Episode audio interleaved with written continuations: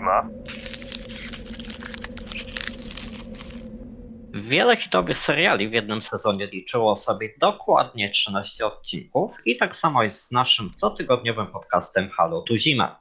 Wszystkie wiadomości ze śnieżnych i lodowych aren, eksperckie opinie, wywiady, czasem wypowiedzi Was, słuchaczy. Ale każda zima, jak serial kiedyś się kończy i spora większość dyscyplin zimowych sezon już zakończyła.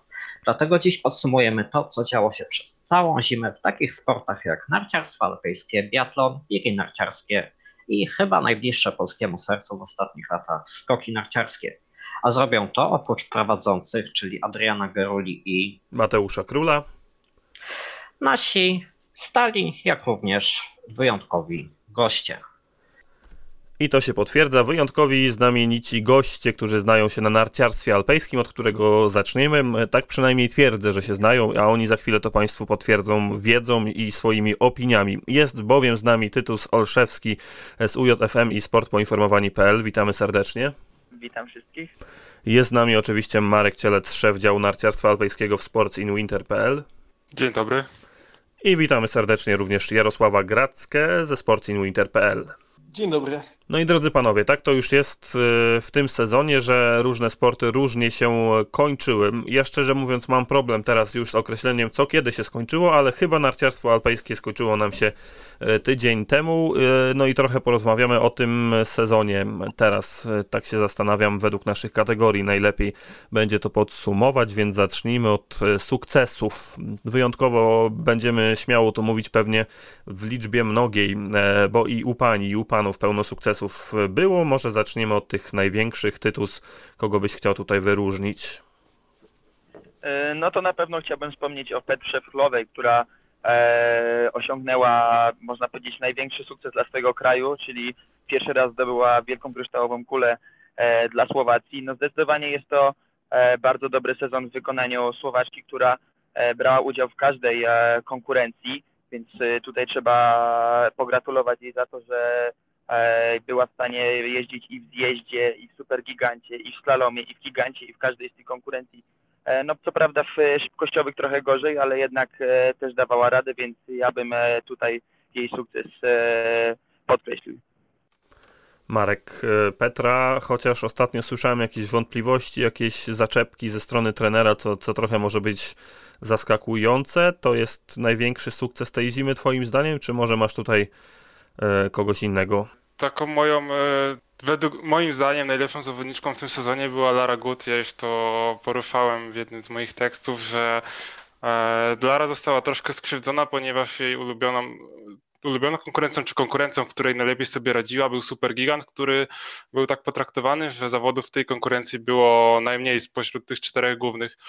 E, I myślę, że Lara rzeczywiście spisywała się tak obiektywnie, czy może bardziej subiektywnie patrząc na to e, najlepiej. E, również na Mistrzostwach Świata była większą gwiazdą od Petry Wchowej i na korzyść Petry działało to, że miała więcej slalomów, w których e, radziła sobie lepiej od Lary Good i głównie dzięki temu wygrała. Natomiast e, nie wiadomo też, co by było, gdyby tych konkurencji było, tych konkurencji szybkościowych było więcej, więc no, nie powiem, że Petra nie zasłużyła, bo w tych warunkach, jakie były, po prostu zdobyła najwięcej punktów, więc e, no, zdobyła najwięcej punktów, więc ta kryształowa kula w pewnym sensie jej się nalewała, ale według mnie Lara Good e, spisywała się ogólnie lepiej. Ja myślę, że sama Petra wolałaby to zdobyć w takich jasnych okolicznościach, więc myślę, że nie popełniamy tu jakiegoś wielkiego fopa, mówiąc o tym, że rzeczywiście są jakieś znaki zapytania przy tym sezonie i przy tych rozstrzygnięciach. I jestem ciekawy zdania Jarka, kogo nam tutaj dorzuci, czy się zgadza z tym, że Lara rzeczywiście była tą najlepszą zawodniczką.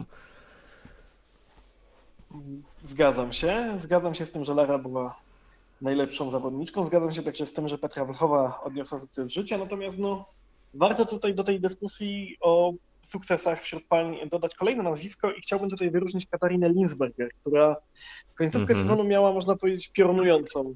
Wspania w wspaniałym stylu zaprezentowała się na Mistrzostwach Świata, a potem wygrała jeszcze dwa ostatnie slalomy sezonu i tak rzutem na taśmę całą klasyfikację, se- y, całą klasyfikację slalomową, także, także tutaj naprawdę końcówka należała do niej. Y, Więc tutaj kolejne nazwisko do listy największych sukcesów chciałbym dodać od siebie. Tak się zastanawiam, panowie, czy my przed sezonem bylibyśmy w stanie pomyśleć, że wśród tych największych wygranych nie wymienimy nazwiska Mikaeli Schifrin, chyba że ktoś za chwilę zaprotestuje i, i to nazwisko wymieni.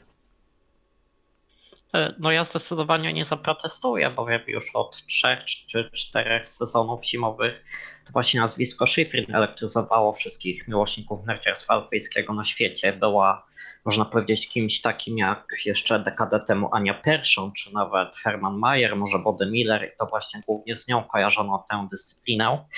No w tym roku zdecydowanie Schifrin może coś się działo w głowie niezbyt dobrego, jakby nie mogła się odblokować.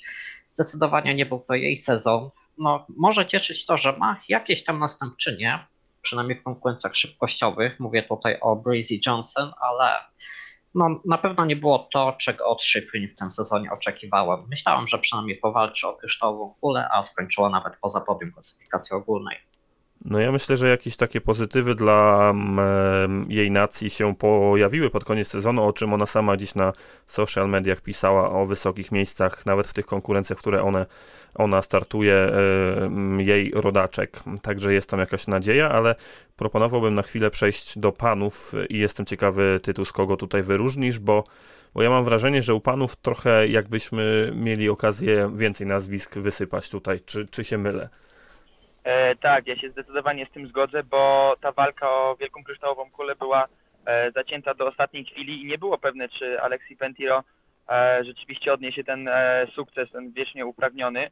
Więc ja bym tutaj e, wyróżnił Marco Odermata, który naprawdę w tak młodym wieku bardzo dzielnie walczył w Pucharze Świata, zaczął e, super jeździć, wygrywać zawody Pucharu Świata i nawiązał walkę bardzo równą z Alexisem Pentiro, więc ja bym głównie o nim wspomniał, bo prawda nie istniał bardzo e, na Mistrzostwach Świata, ale w całokształcie bardzo dobrze się zaprezentował, jeżeli chodzi o e, cały sezon. Marek, dorzucisz nam kogoś, bo wydaje mi się, że Marko to jest jeden z tych zawodników, których pewnie też chciałbyś tutaj wyróżnić. E, tak samo jak w przypadku Larry Good Behrami, Marko tutaj był bardzo blisko Alexisa i gdyby może ta dysproporcja między liczbą konkurencji była troszkę mniejsza, pewnie by miał większe szanse, natomiast on też przegrał końcówkę na własne życzenie. On mhm. w tym gigancie, ostatnim gigancie w Lenzerheide, no miał, miał duże szanse, wystarczyło, że wygrałby wtedy i jeszcze zachowałby szansę na wygranie klasyfikacji generalnej, natomiast tego nie zrobił. Wtedy Alexi zaprezentował się dużo lepiej i no też nie wytrzymał w końcówce. Nie wiem, czy, czy on jeszcze, czy to jeszcze brak doświadczenia i przez to nie dał rady, ale troszeczkę na własne życzenie przegrał tą dużą kryształową kulę. Mhm. Skupiliśmy się na razie na dwóch nazwiskach. Jarek, są jakieś nazwiska jeszcze, które mogą ten sezon naliczyć, zaliczyć na plus? Na pewno tych nazwisk jest więcej, natomiast ja chciałbym wymienić jeszcze dwa. Yy, tutaj skupiliśmy się na Pucharze Świata, a chciałbym tutaj dwóch bohaterów Mistrzostw Świata przywołać. Jednym jest Marko Schwarz, który w Pucharze Świata owszem bardzo udanie zaprezentował się w slalomie, wygrywając całą klasyfikację, natomiast na Mistrzostwach Świata wygrał kombinację i zdobył medal nie w swoim gigancie, więc tutaj można powiedzieć, że nie udało mu się w jego konkurencji, pamiętamy ten upadek, natomiast udało mu się w konkurencji nie swojej. Także, także tutaj też należy go wyróżnić. No i oczywiście ten, kogo, ten zawodnik, który można powiedzieć, że przez wiele lat był przeze mnie niedoceniany, czyli Mathieu Favre, który po prostu na Mistrzostwach Świata odpalił formę, po której petardę taką, po której nikt, której nikt się po nim po prostu nie spodziewał. Także, także, także chciałbym te dwa nazwiska do listy wygranych sezonu dorzucić. No ja bym powiedział nawet, że nie tyle go nie doceniałeś, co no może nieważne, okej. Okay. No to trochę o sukcesach porozmawialiśmy tak krótko, bo wiadomo, tak jak wspominałem e, przed wejściem jeszcze na antenę, że, że trochę czas nas będzie gonił, a jest o czym mówić w kontekście całego sezonu, to chciałbym o zaskoczeniu i, i, i to pozytywnym raczej, więc może tutaj też o sukcesach mówić, bo trochę mam wrażenie, że nam się trochę o przegranych wkradło w tych sukcesach przez to, co się działo rzeczywiście z tym kalendarzem i że mniej zawodów szybkościowych było, no to zapytam e, Tytusa może o to zaskoczenie sezonu, takie pozytywne, wielkie dla ciebie i, i jeśli mógłbym, żeby przyspieszyć trochę to od razu w obu, w obu rywalizacjach, czyli kobiet i, i mężczyzn po kolei. Jasne, no to ja nie będę chyba e, bardzo oryginalny i powiem Maryna Gąsienica-Daniel, bo no to, co pokazała, to jest e, piękna sprawa, jej jazda, jej miejsca, więc jeszcze to, że jest Polką, więc myślę, że to jest ogromny, ogromny sukces. E, a jeżeli chodzi o mężczyzn, to ja jeszcze tutaj bym może wspomniał Filipa Zubcicza, bo też ten chłopak bardzo zaczął fajnie jeździć i e, przebił się do tej czołówki Pucharu Świata. Jasne, właśnie co do Maryny, to chciałem powiedzieć, że, że jakieś mam takie podejście, że w sporcie zazwyczaj jest tak, że, że mm, powiedzmy taka Maryna dobija do czołówki i mam myślenie powoli, spokojnie, dajmy jej czas, nie narzucajmy presji, a mam wrażenie, że ta dziewczyna w ogóle tej presji się, się nie boi, gdzieś ona jest tam całkiem z boku i to na Mistrzostwach Świata też było widać, przecież y, to był taki najmocniejszy, mam wrażenie, punkt jej sezonu, tak jak powinno być, no i, i Marek zgadzasz się z tym, czy to jest, że to jest takie zaskoczenie spore, pozytywne, czy jednak y, spodziewałeś się tego, chociaż wątpię, żebyś to powiedział. E, Nie, nie spodziewałem się tego, nie, nie aż w takim stopniu. Na pewno się spodziewałem, że będzie, będzie całkiem fajny wynik, ale troszeczkę to przerosło moje oczekiwania, ale już na następny sezon na pewno się poprawię i, i będę oczekiwał czegoś więcej, czyli już takich pozycji naprawdę w czołówce. To kto cię zaskoczył jeszcze? Może u mężczyzn ktoś.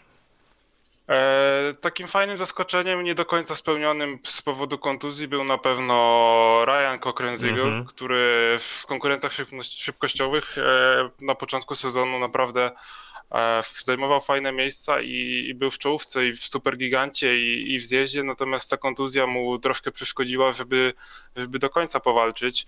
E, No i mówiliśmy o Katarinie Linsberger. Na pewno pierwsze miejsce w Salomie jest sporą niespodzianką. Ona była na pewno jedną z faworytek, natomiast to, że ona zgarnie i Mistrzostwo Świata w dwóch konkurencjach nawet i, i małą kryształową kulę, to jest na pewno wynik powyżej oczekiwań. Ja bym tu też chciał powiedzieć, że dla mnie zaskakujący były, był, zaskakujący był styl jej zwycięstw, bo to był knockout, mam wrażenie, nawet na, na innych zawodniczkach. Te przewagi, jakie ona osiągały, osiągała i, i przejazdy, jakie nam pokazywała, to dla mnie był wielki szok.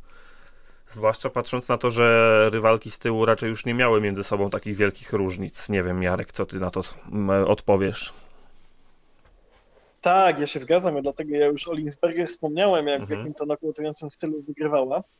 Natomiast chciałbym tutaj jakby utrzymać konwencję i dodać parę nazwisk nowych od siebie, bo ja Proszę się bardzo. oczywiście zgadzam, natomiast tyle jest tych nazwisk, że zawsze warto wyróżnić więcej, bo to też świadczy o bogactwie tego, tego pięknego sportu. Na pewno wśród panów chciałem wyróżnić Sebastiana O, Fusso-Lewaka, który wiesz co, chciałem ci przed chwilą przerwać. Chciałem ci przed chwilą przerwać i powiedzieć, czy powiesz mi tutaj jakieś norweskie nazwisko i proszę bardzo, mam co chciałem. No to kontynuuj. No widzisz, jak ja czytam w twoich myślach, no to. E, tak, Sebastian Foss-Solewak, który generalnie mm, to nie jest młody zawodnik, bo do, dobiega 30. E, startuje już od lat w Pucharze Świata, oczywiście tam stawał na podium raz czy drugi, natomiast w tym sezonie odniósł swoje pierwsze zwycięstwo i co ważniejsze, został mistrzem świata w slalomie, także, także tutaj odpalił, no nie chcę się powtarzać, w każdym razie również e, udał mu się sezon życia wcale nie na początku startów. Chciałem też tutaj wyróżnić e, Romeda Baumana, który zdobył w tym roku medal e, dla drugiego kraju w swojej karierze, co też jest e, trochę cie- ciekawym precedensem, zwłaszcza, że nie był jakimś zawodnikiem, na którego się stawiano do, jako kandydata do medali na Mistrzostwach Świata. No wśród pań chciałem tutaj, tutaj może to nie jest duża niespodzianka, ale jednak niespodzianka, bo Marta Bassino była w tej czołówce gigantowej, natomiast żeby okaże się najlepszą gigancistką, że będzie wygrywała tak często i w takim stylu, to jest też dla mnie pewnego rodzaju niespodzianka, taka na pewno na plus.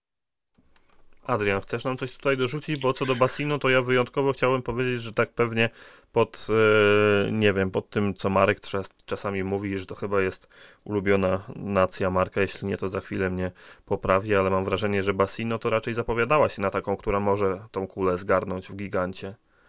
E, Mówiąc szczerze, też miałem takie wrażenie, zwłaszcza patrząc na początek tego sezonu, kiedy Bassino prezentowała się całkiem nieźle. No nie zapomnijmy, że wygrała pierwsze zawody w Zelden i jej postawa jakoś szczególnie mnie nie zaskoczyła. Natomiast w zmaganiach mężczyzn zapamiętałem sobie taki weekend Pucharu Świata w Val d'Isère, kiedy to zwyciężyło i w zjeździe, i w Supergigancie dwóch takich solidnych wyrobników, którzy do tamtego momentu nie mieli jakichś znaczących sukcesów w Pucharze Świata, a jednak za to ciężką pracę zostali w końcu docenieni. Mam tutaj na myśli Mauro Cavicella, który już kilka, kilkukrotnie był wcześniej w czołówce Pucharu Świata, jednak na tą swoją wiktorię musiał czekać wiele, wiele sezonów spędzonych w szwajcarskiej kadrze, a dzień później w, w zjeździe zwyciężył Słoweniec Martin Chater. Były to można powiedzieć, zdarzenia incydentalne, ponieważ nie powtórzyli swoich aż tak dużych sukcesów, ale jednak te wygrane im się należały. Tak, I, i, i to jeden moment, w którym nawet to nazwisko pomyliłem, jak dobrze pamiętam, i, i pisałem i trzeba było zmieniać kilka razy. To jeszcze Marka, Marka zapytam o to, co powiedziałem, czy, czy te Włoszki to rzeczywiście takie ulubienice twoje? Eee, myślę, że po prostu to wynika z tego, że troszkę się posługuję językiem włoskim i Aha. dużo informacji stamtąd zasięgam. A też jakaś taka mała sympatia rzeczywiście jest. Okej. No to dobra, jak skoro powiedzieliśmy przed chwilą słowo Włoszki, to, to przejdźmy może do rozczarowania sezonu. E, No i, i zapytam Tytusa, trochę narzucając, czy Federica Brignone to jest jedno z takich mm, rozczarowań twoim zdaniem u kobiet i, i kto ewentualnie u mężczyzn, kto jeśli nie Federica? E, Co do Federiki, no to rzeczywiście ona, e, jej oczeki- oczekiwania na jej sukcesy były duże, zwłaszcza po poprzednim sezonie, ale no też może ona nie, nie udźwignęła do końca tej presji. Było widać, że ciężko w tym sezonie się jeździ i nie do końca e, sobie z tym wszystkim radzi, więc tutaj zgadzam się, że to jest pewne rozczarowanie, a ja bym chciał powiedzieć tutaj takie moje rozczarowanie to jest Daniel Jul, który e, przyzwyczaił nas do bardzo dobrych przejazdów w slalomie, a tutaj nagle w tym sezonie pokazał, że on jest bardzo niestabilny, nie kończy e, przejazdów, e, ciężko mu naprawdę się jedzie i zmienił styl jazdy i nie jest to już e, ten sam Daniel który wcześniej czarował. Wśród kobiet, no to mm, może trochę e, właśnie Michaela Schifrin, o której już mówiliśmy, e, no i Wendy Holdener też nie miała jakichś takich wielkich przebłysków, no ale ona zawsze niestety jest wiecznie, jak to mówią, druga. Chociaż nie do końca jest to prawdą, prawda?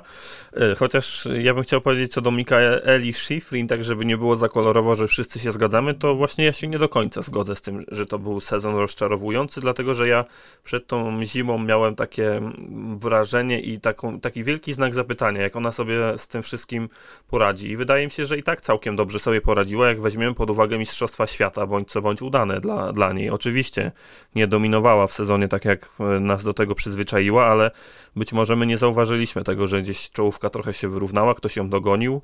Wszak e, przecież kiedyś narzekała na to, że, że ktoś podgląda jej treningi. Była nawet taka mała afera, jak dobrze pamiętam.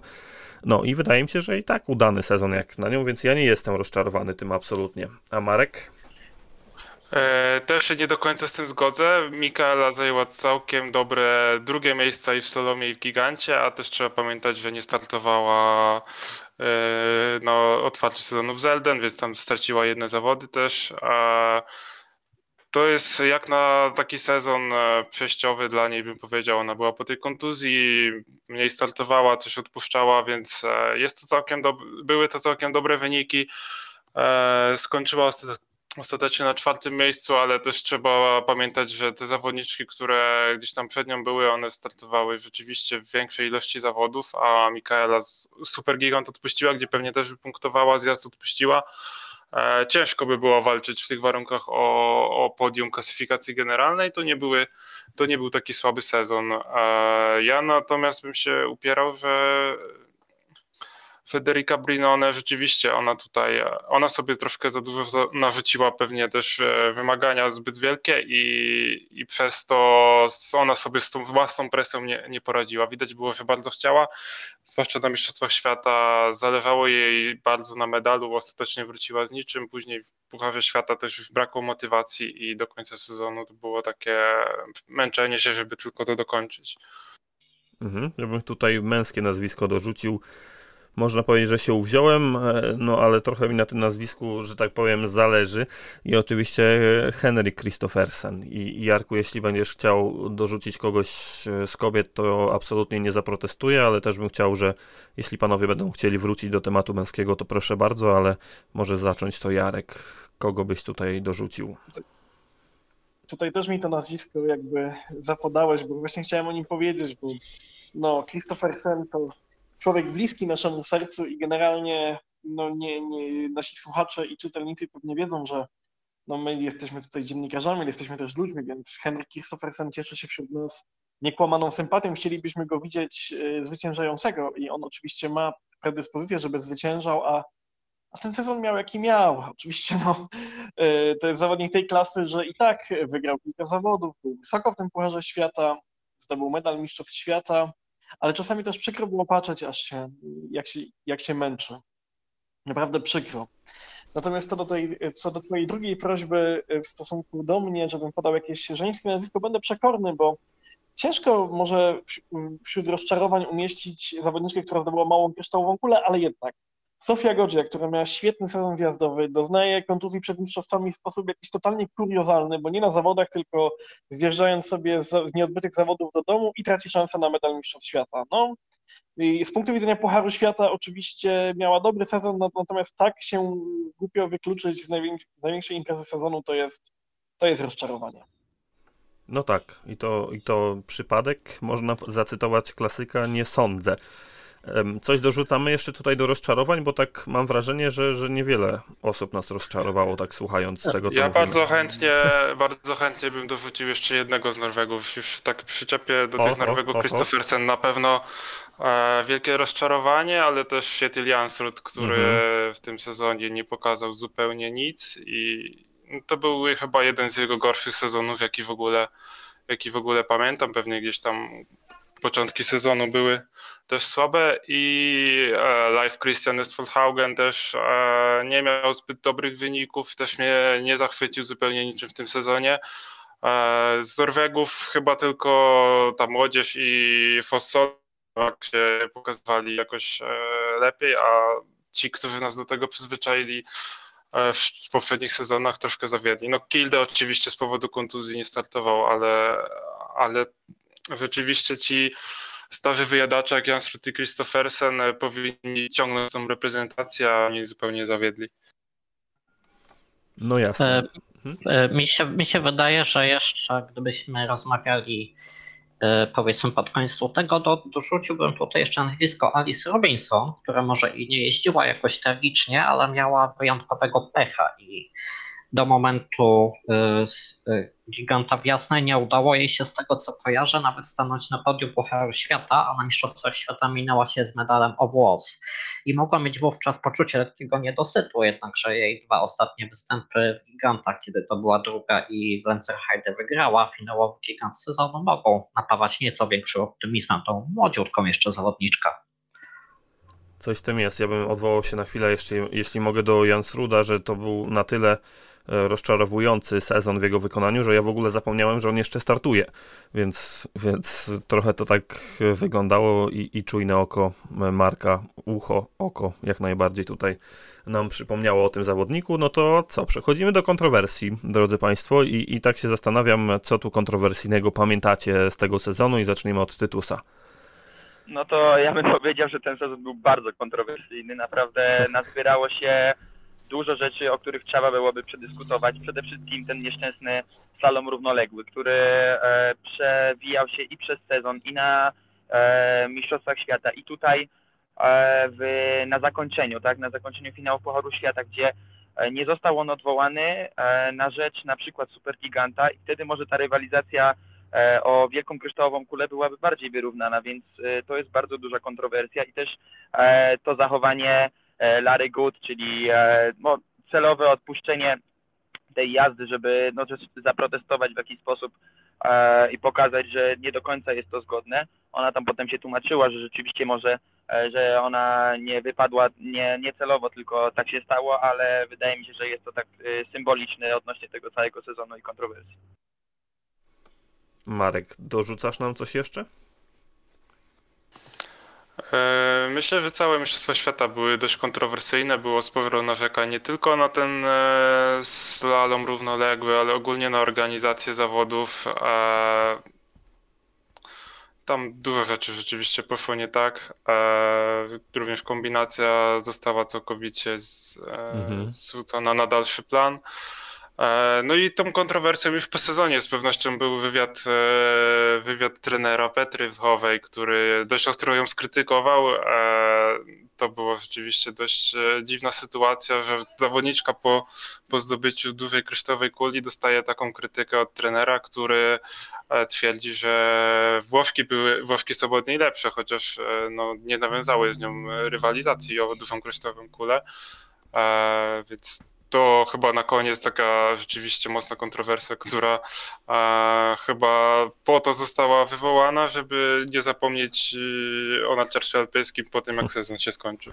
Co do Mistrzostw Świata, to ja myślę, że kontrowersją było też to, że że wyszło jak FIS komunikuje się albo zapisuje różne zasady i przepisy, także wiele osób na przykład nie wiedziało, e, kto złoty medal zdobył właśnie w slalomie równoległym, albo w jakich, na jakich zasadach rozgrywane są eliminacje, także trzeba było gdzieś tam się zastanawiać, czasami jakieś tam domysły, czy to losowanie było, czy, czy na jakich zasadach. Myślę, że to też sporą kontrowersją było, jak te zasady były e, przedstawiane albo zmieniane na ostatnią chwilę, chociaż jak pamiętam z trenerem Orłowskim rozmawiałem, to on za bardzo kontrowersji w tym wypadku nie widział. Jarek, co tam jeszcze cię oburzyło tej zimy?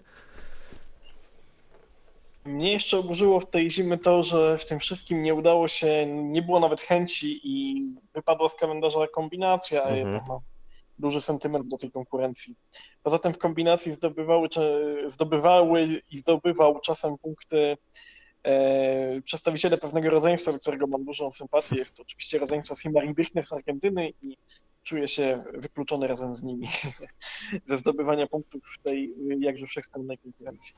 Adrian, coś dorzucasz, czy zgadzasz się z tym po prostu, co powiedzieli panowie? E, e, oprócz tego, że oczywiście się zgadzam, bo to był niestety sezon obfitujący w takie mniejsze lub większe kontrowersje, to też e, ciągle pamiętam slalom, nierównoległy, ale ten można powiedzieć tradycyjny podczas Mistrzostw Świata i opinię na konferencji prasowej Iwicy Kosztelicza, e, który no, miał ogromną pretensję, że zasady rozgrywania slalomu zmieniły się tak naprawdę w trakcie mhm. gry, bo jak pamiętamy, naj, najlepsza piętnastka, a nie najlepsza trzydziestka startowała w odwróconej kolejności i on jako legenda tej dyscypliny zarzucał działaczom FIS, że boją się tak naprawdę krytyki.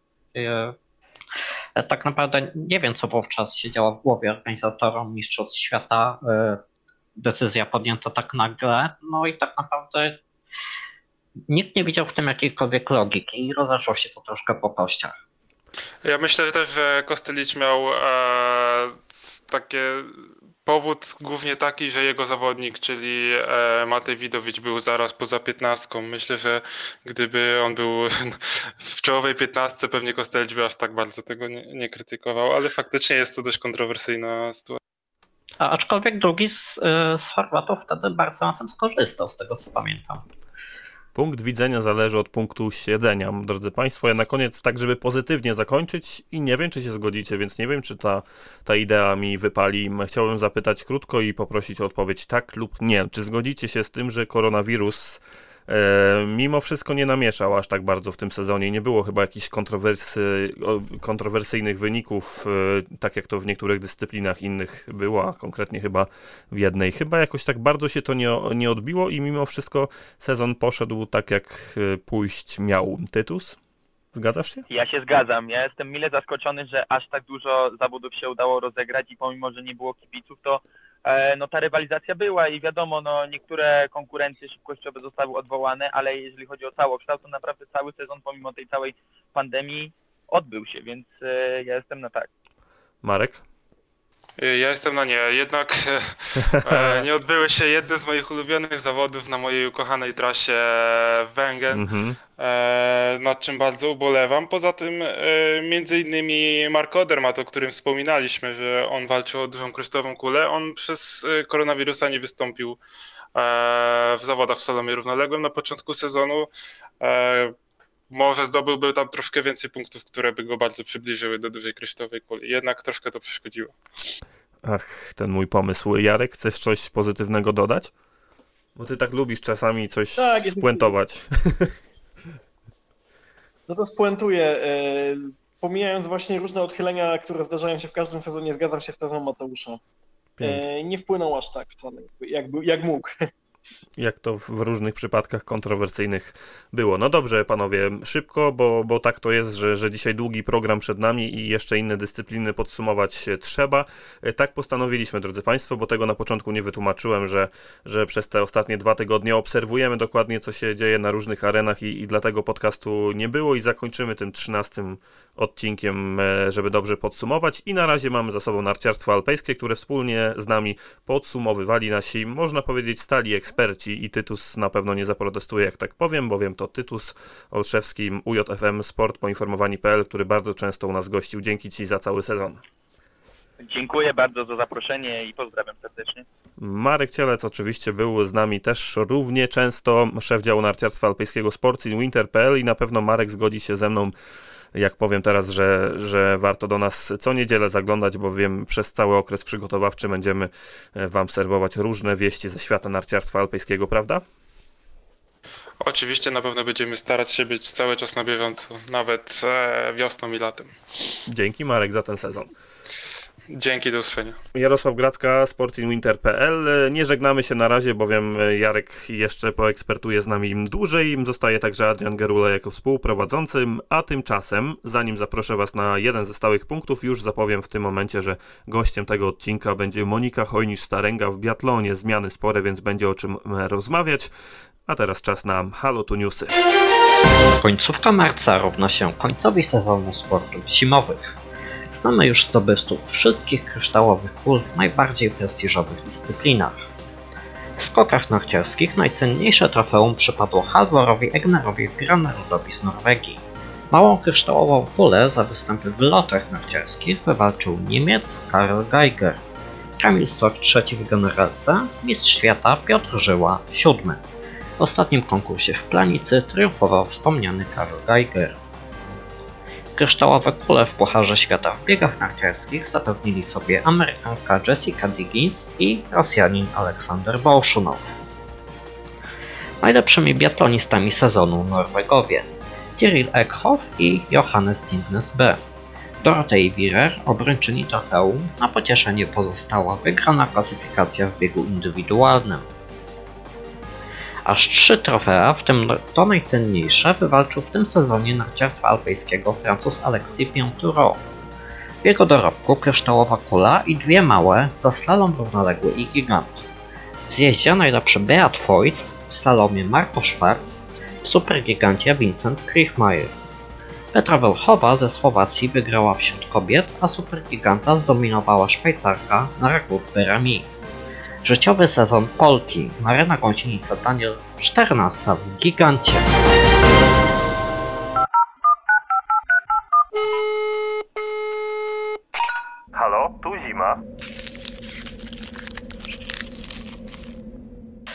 To był nasz cotygodniowy cykl Halo to Newsy, a teraz pora przejść do drugiej części naszego czterotomowego, czterotomowego aktu pod tytułem Podsumowanie sezonu 2020-2021, a mianowicie zajmiemy się biegami narciarskimi. E, do Jarka i do Mateusza, który znacie już z narciarstwa europejskiego, dołączył Mateusz Wasiewski z ProSimWinter.pl. Witamy Cię Maci. Witam serdecznie. E, no właśnie, sezon z jednej strony ciekawy, z drugiej strony no, naznaczony pandemią koronawirusa. Wielokrotnie najmocniejsze zespoły e, opuszczały najważniejsze biegi i dopiero na Mistrzostwach Świata poznaliśmy na co stać poszczególne reprezentacje. Zatem jedni kibice powiedzieliby, że ciekawy, bo nieprzewidywalny, a drudzy, że emocji było tyle co mięsa w parówkach, bo jednak najlepszych nie widzieliśmy na nawet takich imprezach jak Tour de Ski. I właśnie jestem ciekawy, jak widzicie to w, w stosunku do biegów męskich, gdzie kolejną kryształową kulę zdobył Aleksander Bołszunow. Czy wygrało u niego to, że startował w zasadzie w każdej najważniejszej imprezie i ta jego równość, czy po prostu był on najlepszym biegaczem w tym sezonie? E, trudno mi powiedzieć, co by było, gdyby Klebo startował przez cały sezon, bo na Mistrzostwach Świata zaprezentował naprawdę świetną formę także na dystansach. Natomiast no, Bolszuno, Bolszunowa można naprawdę bardzo pochwalić za to, że on od początku do końca sezonu był na, w naprawdę bardzo wysokiej formie, co też nie przeszkodziło mu do tego, żeby zdobył e, złoto na Mistrzostwach Świata. Także e, i od początku wygrywał, można powiedzieć, i no, na tej głównej imprezie nie zawiódł i tam też biegał świetnie. Może nie wiem, czy to była jego akurat szczytowa forma, czy nie, natomiast tak jak powiedziałem, nie zawiódł i wydaje mi się, że to wygrało. To po pierwsze to, że był po prostu, że jego po prostu forma była rewelacyjna, a z drugiej strony to, że e, był równy od listopada do marca. No, bo Szunów na pewno e, powiem tak, e, nie byłoby mu tak łatwo rzeczywiście wygrać tego Pucharu Świata, gdyby Klebo startował cały sezon, ale nie byłby bez szans tej rywalizacji, więc różnie mogło być, także, także on naprawdę, on tutaj akurat nie ma takiej mm, nie mam mowy o przypadkowym e, zwycięzcy, chociaż naprawdę miał ułatwione zadanie. E, z kolei Johannes Hesford Klebo, jak i cała reprezentacja Norwegii postawiła na przygotowanie się własnym trybem na Mistrzostwo Świata w Oberstdorfie. No, Klebo miał swoje momenty zdecydowanej chwały, bo jak wiadomo wygrał obie sztafety, jak również sprint stylem e, klasycznym, natomiast no, nie z własnej winy złoto w finałowym biegu Mistrzostw Świata przeszło mu koło nosa. Czy może być mimo wszystko usatysfakcjonowany z tej całej imprezy, czy nie? Jak to widzicie? Znając jego ambicje i znając to, jak wysoko celuje, myślę, że nie, ma, nie będzie mimo wszystko, do, że nie jest już do, do, końca zadowolony, bo on też podkreślał, że nigdy nie czuł się tak mocny na dystansach i że tak naprawdę to był jego cel. Tym razem nie sprint. Oczywiście do sprintu na pewno też bardzo dużą wagę przykładał, natomiast e, on w wywiadach powtarzał, że bardzo skupia się na tej 50 i no na, mo, mo, możliwe, że był nawet e, w, dystan, w, najlepszej formie, jeżeli chodzi o dystanse w całej karierze, bo e, świetnie się trzymał, cały czas był z przodu i tak naprawdę na końcu, gdyby nie ta niefortunna sytuacja na finiszu, po prostu by wszystkich ograł i, e, no i to złoto zdobył, tak jak e, wstępnie, e, to co widzieliśmy wstępnie na wynikach. I dlatego też uważam, że jakiś niedosyt y, cały czas po nim, y, cały czas mu doskwiera. I na pewno to już nie są takie emocje, jak to było po biegu, gdzie na pewno czuł po prostu dużą frustrację i duże rozczarowanie, ale to myślę, że w pamięci mu zostało, co z kolei mam nadzieję, że po prostu go zmotywuje do tego, żeby w sezonie olimpijskim po prostu powtórzyć to i, e, i świetnie zaprezentować się na 50 na igrzyskach. No właśnie, bo pamiętajmy, że Klebo na Igrzyskach Olimpijskich w Pjongczang nawet nie pobiegł na tym najdłuższym dystansie, zachowując wszystkie siły na sprint.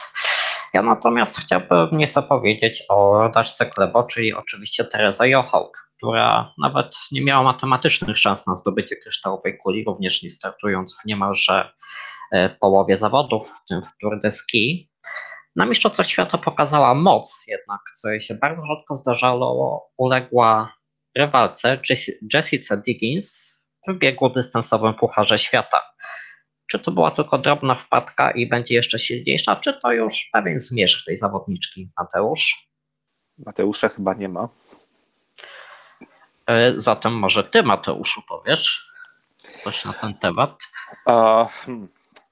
wydaje mi się, że e, wtedy no, Jessie była w świetnej formie i to w ogóle nie pozostaje, e, no, żadnej wątpliwości nie zostawia, natomiast e, no, Johok wygrała, na mistrzostwach wygrała wszystko, tak, i wydaje mi się, że po prostu postawiła na jak najlepszą formę właśnie w Oberstdorfie i tam była po prostu no, rewelacyjna, a z kolei Jessie trochę na pewno nie zawiodła, nie użyję tego słowa, ale no biegała troszeczkę słabiej e, w Niemczech aniżeli e, na przestrzeni całego sezonu. E, choć ten sezon był dla niej rewelacyjny, to jednak w Oberstdorfie no, tych podiów zabrakło, a z kolei Terezę zaprezentowała się super, także to, to myślę, że miało na to wpływ, że one były na różnym poziomie, jeżeli chodzi o aktualną dyspozycję i Jessie wtedy mogła być w tej szczytowej formie, natomiast Teresa niekoniecznie. E, to fakt. No, Jessica Diggins zdecydowanie przyniosła chwałę amerykańskim biegom narciarskim, bo nie zapomnijmy, że to jest jej, e, że to jest pierwszy triumf jakiegokolwiek amerykańskiego sportowca w biegach narciarskich od czasu Billa Kocha i pierwsza kryształowa kula dla kogoś z Ameryki Północnej. Natomiast pamiętajmy, że nie tylko Norwegowie, nie tylko Amerykanie, ale również Szwedzi mieli pokazać swoją moc i, poka- i pokazali to zwłaszcza w biegu sprinterskim na Mistrzostwach Świata w Oberstdorfie. Tylko pytanie, czy te mistrzostwa były taką pełnią sukcesu dla Szwedów dzięki temu sprintowi, czy jednak swoistym zawodem, bo wiadomo, że ta peta nie poszła, a i na dystansach nie wyglądało to chyba nadzwyczajnie, Mateusz. Konkretnie mówimy chyba o płci żeńskiej, prawda? E, tak, tak, Bo oczywiście. niestety, jeżeli patrzymy na facetów, to poza tymi sprintami w Pucharze Świata, to tak, no, spójrzmy zasłonę milczenia moim zdaniem na ten sezon i ostatnie sezony w ogóle. Natomiast y, jeżeli chodzi o Mistrzostwa Świata, to ja mam takie poczucie, że, że te dziewczyny, które stawały na podium obok Jochałk indywidualnie, to one były zadowolone, ale mam wrażenie, że one, e, przynajmniej Carlson e, rok temu poczuła taki smaczek, że ona jest blisko tej Jochałki, jest w stanie i, i, i na tych mistrzostwach ani razu nie udało się jej pokonać. Tak naprawdę. I, I myślę, że to nie jest tak, że one w 100% zadowolone. To są młode dziewczyny, szczególnie Frida, prawda? Więc myślę, że wszystko przed nimi. Natomiast fajne jest to, że Szwedki w sprintach rzeczywiście wykorzystały te szanse, bo pamiętajmy o tym, że tam fala się obudziła. I to nie było takie oczywiste, zwłaszcza, że ta główna e, pretendentka do złota odpadła. I tam już się zrobiło bardzo ciekawie z punktu widzenia oczywiście Norweżki w sprincie. Więc oczywiście fajnie, że, że udało się to wyrwać, bo, bo tak naprawdę jak nie Szwedki, to kto na tych mistrzostwach? Nikt. I tak to, tak to wygląda niestety w ostatnich sezonach Yy, i, i fajnie, że coś tam się udało i myślę, że akurat yy, one mogą to sobie na plus zanotować, szczególnie, że, że Szwedki startowały raczej tej zimy, zwłaszcza w Tour de Ski, prawda? I, I to jest fajne, że, że chociaż w tych sprintach udało się im tam odegrać znaczącą rolę, więc ogólnie rzecz ujmując, ja te reprezentacje na plus bym zapisał, aczkolwiek szkoda, że, że Jochałk znowu uciekła. E, Nieco ubiegłeś moje kolejne pytanie, Mateusz, bowiem miałam Was zapytać o taki największy zawód na wielkiej imprezie i mówię tu nie tylko o Mistrzostwach Świata, ale i o Tour de Ski. E, Czy to w biegach kobiecych, czy w męskich. Kto Waszym zdaniem nie podołał tej presji, która na nim ciążyła i nie spełnił oczekiwań swoich kibiców? E, Wydaje mi się, że jeśli chodzi o presję, to zdecydowanie Lin bo myślę, że nikt nie spodziewał się, że ona tak szybko wykluczy się z walki o medale, a jeszcze przed samymi mistrzostwami wyglądała świetnie, także ja stawiam na Svan. Ja się zgodzę Ej. z tym fan, jak najbardziej, jeżeli mogę się wtrącić, rzecz jasna. Yy, I, I dorzuciłbym tu jeszcze Szwedki na Tour de Ski i Frida Karlsson. Mimo wszystko. A jeśli chodzi o biegi męskie, macie jakichś kandydatów? Może Jarek? Jeśli chodzi o biegi męskie, no właśnie myślę intensywnie, kogo by tutaj wyróżnić tej niechlubnej rywalizacji. No nie, nikt mi tak nie przychodzi do głowy, no bo przecież nie można mieć pretensji A ja do mam. Sundbiego, że nie zdobył medalu. Ja też mam jednego. E, o, no to może przekażę wam głos, bo mam w tej kwestii dość dużą pustkę. To Mati, mam Mateusz. taką umowę. 3, 2, Dobra. 1. Iwo Niskanen. Niskanen. Dobra, No, niech będzie nisko. Ja spodziewałem się szczególnie po 50 sporo więcej w jego wykonaniu. To tak ogólnie rzecz uj- ujmując. No ja tak patrzę na cały sezon, to mam wrażenie, że tego zawodnika nie było. No, Tak, też mam takie odczucie. No. A przecież mam wrażenie takie, że Niskanen mm, był takim zawodnikiem cały czas mocnym w klasyku i jakby liczył się cały czas w tej walce, a był przyszedł taki moment, w którym on poprawił się trochę w łyżwie. Myślę, że się zgodzicie i mam wrażenie, że to zaskutkowało tym, że on w klasyku jest słabszy. W sensie, że ani w tym nie jest świetny, ani w tym. Nie wiem.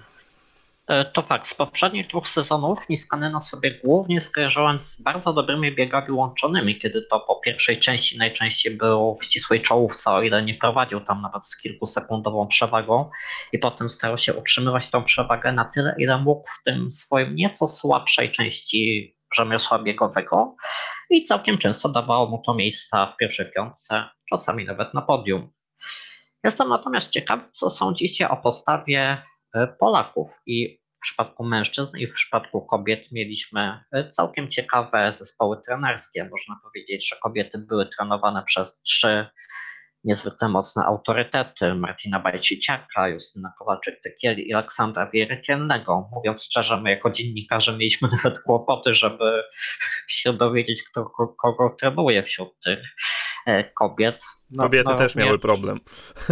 E, e, tak, no również mężczyźni mogli się sporo nauczyć od Lukasa Bauera, który wielokrotnie wygrywał zawody najwyższej rangi. Pytanie, czy dużo się z tego nauczyli i wyciągnęli jakieś wnioski na przeszłość, czy raczej jest to nieudana przygoda? No, moim zdaniem w tym sezonie widać po wynikach te, taki rozgardiaż w kadrze. Tu e, tak no, no, niby Bajciciak był głównym trenerem, a tak naprawdę podczas zimy słyszało się o treningach z Wierietelnym, słyszało się o tym, że e, Justyna została w Zakopanem z kilkoma zawodniczkami i tak naprawdę nic o nim większego słychać nie było. Ja przeczytałem z nim jeden wywiad w trakcie całej zimy i to było tyle. I nic więcej e, nie słyszałem. Także no, wydaje mi się, że ogólnie było widać to, że, e, że nie ma odpowiedniego podziału obowiązków tam i e, nie wiem kogo to była wina, czy to była wina tego, że może Justyna chciała zbyt mocno ingerować w treningi e, Martina, czy jednak e, powodem było to, że po prostu e, Martin nie umiał być takim liderem kadry i nie umiał postawić na swoje warunki, tylko ulegał, ulegał Kowalczyk. Tego pewnie się nie dowiemy, natomiast tak jak wspomniałem, moja opinia jest taka, że było widać ten rozgardiaż. Wiecie co, jest taki problem, że, że ja powiem, że to był udany sezon dla naszych biegaczek, jak najbardziej. Myślę, że tu nie mamy wątpliwości ogólnie, patrząc na wyniki Moniki Skinder w Pucharze Świata. Oczywiście biorę pod uwagę też, że są młode.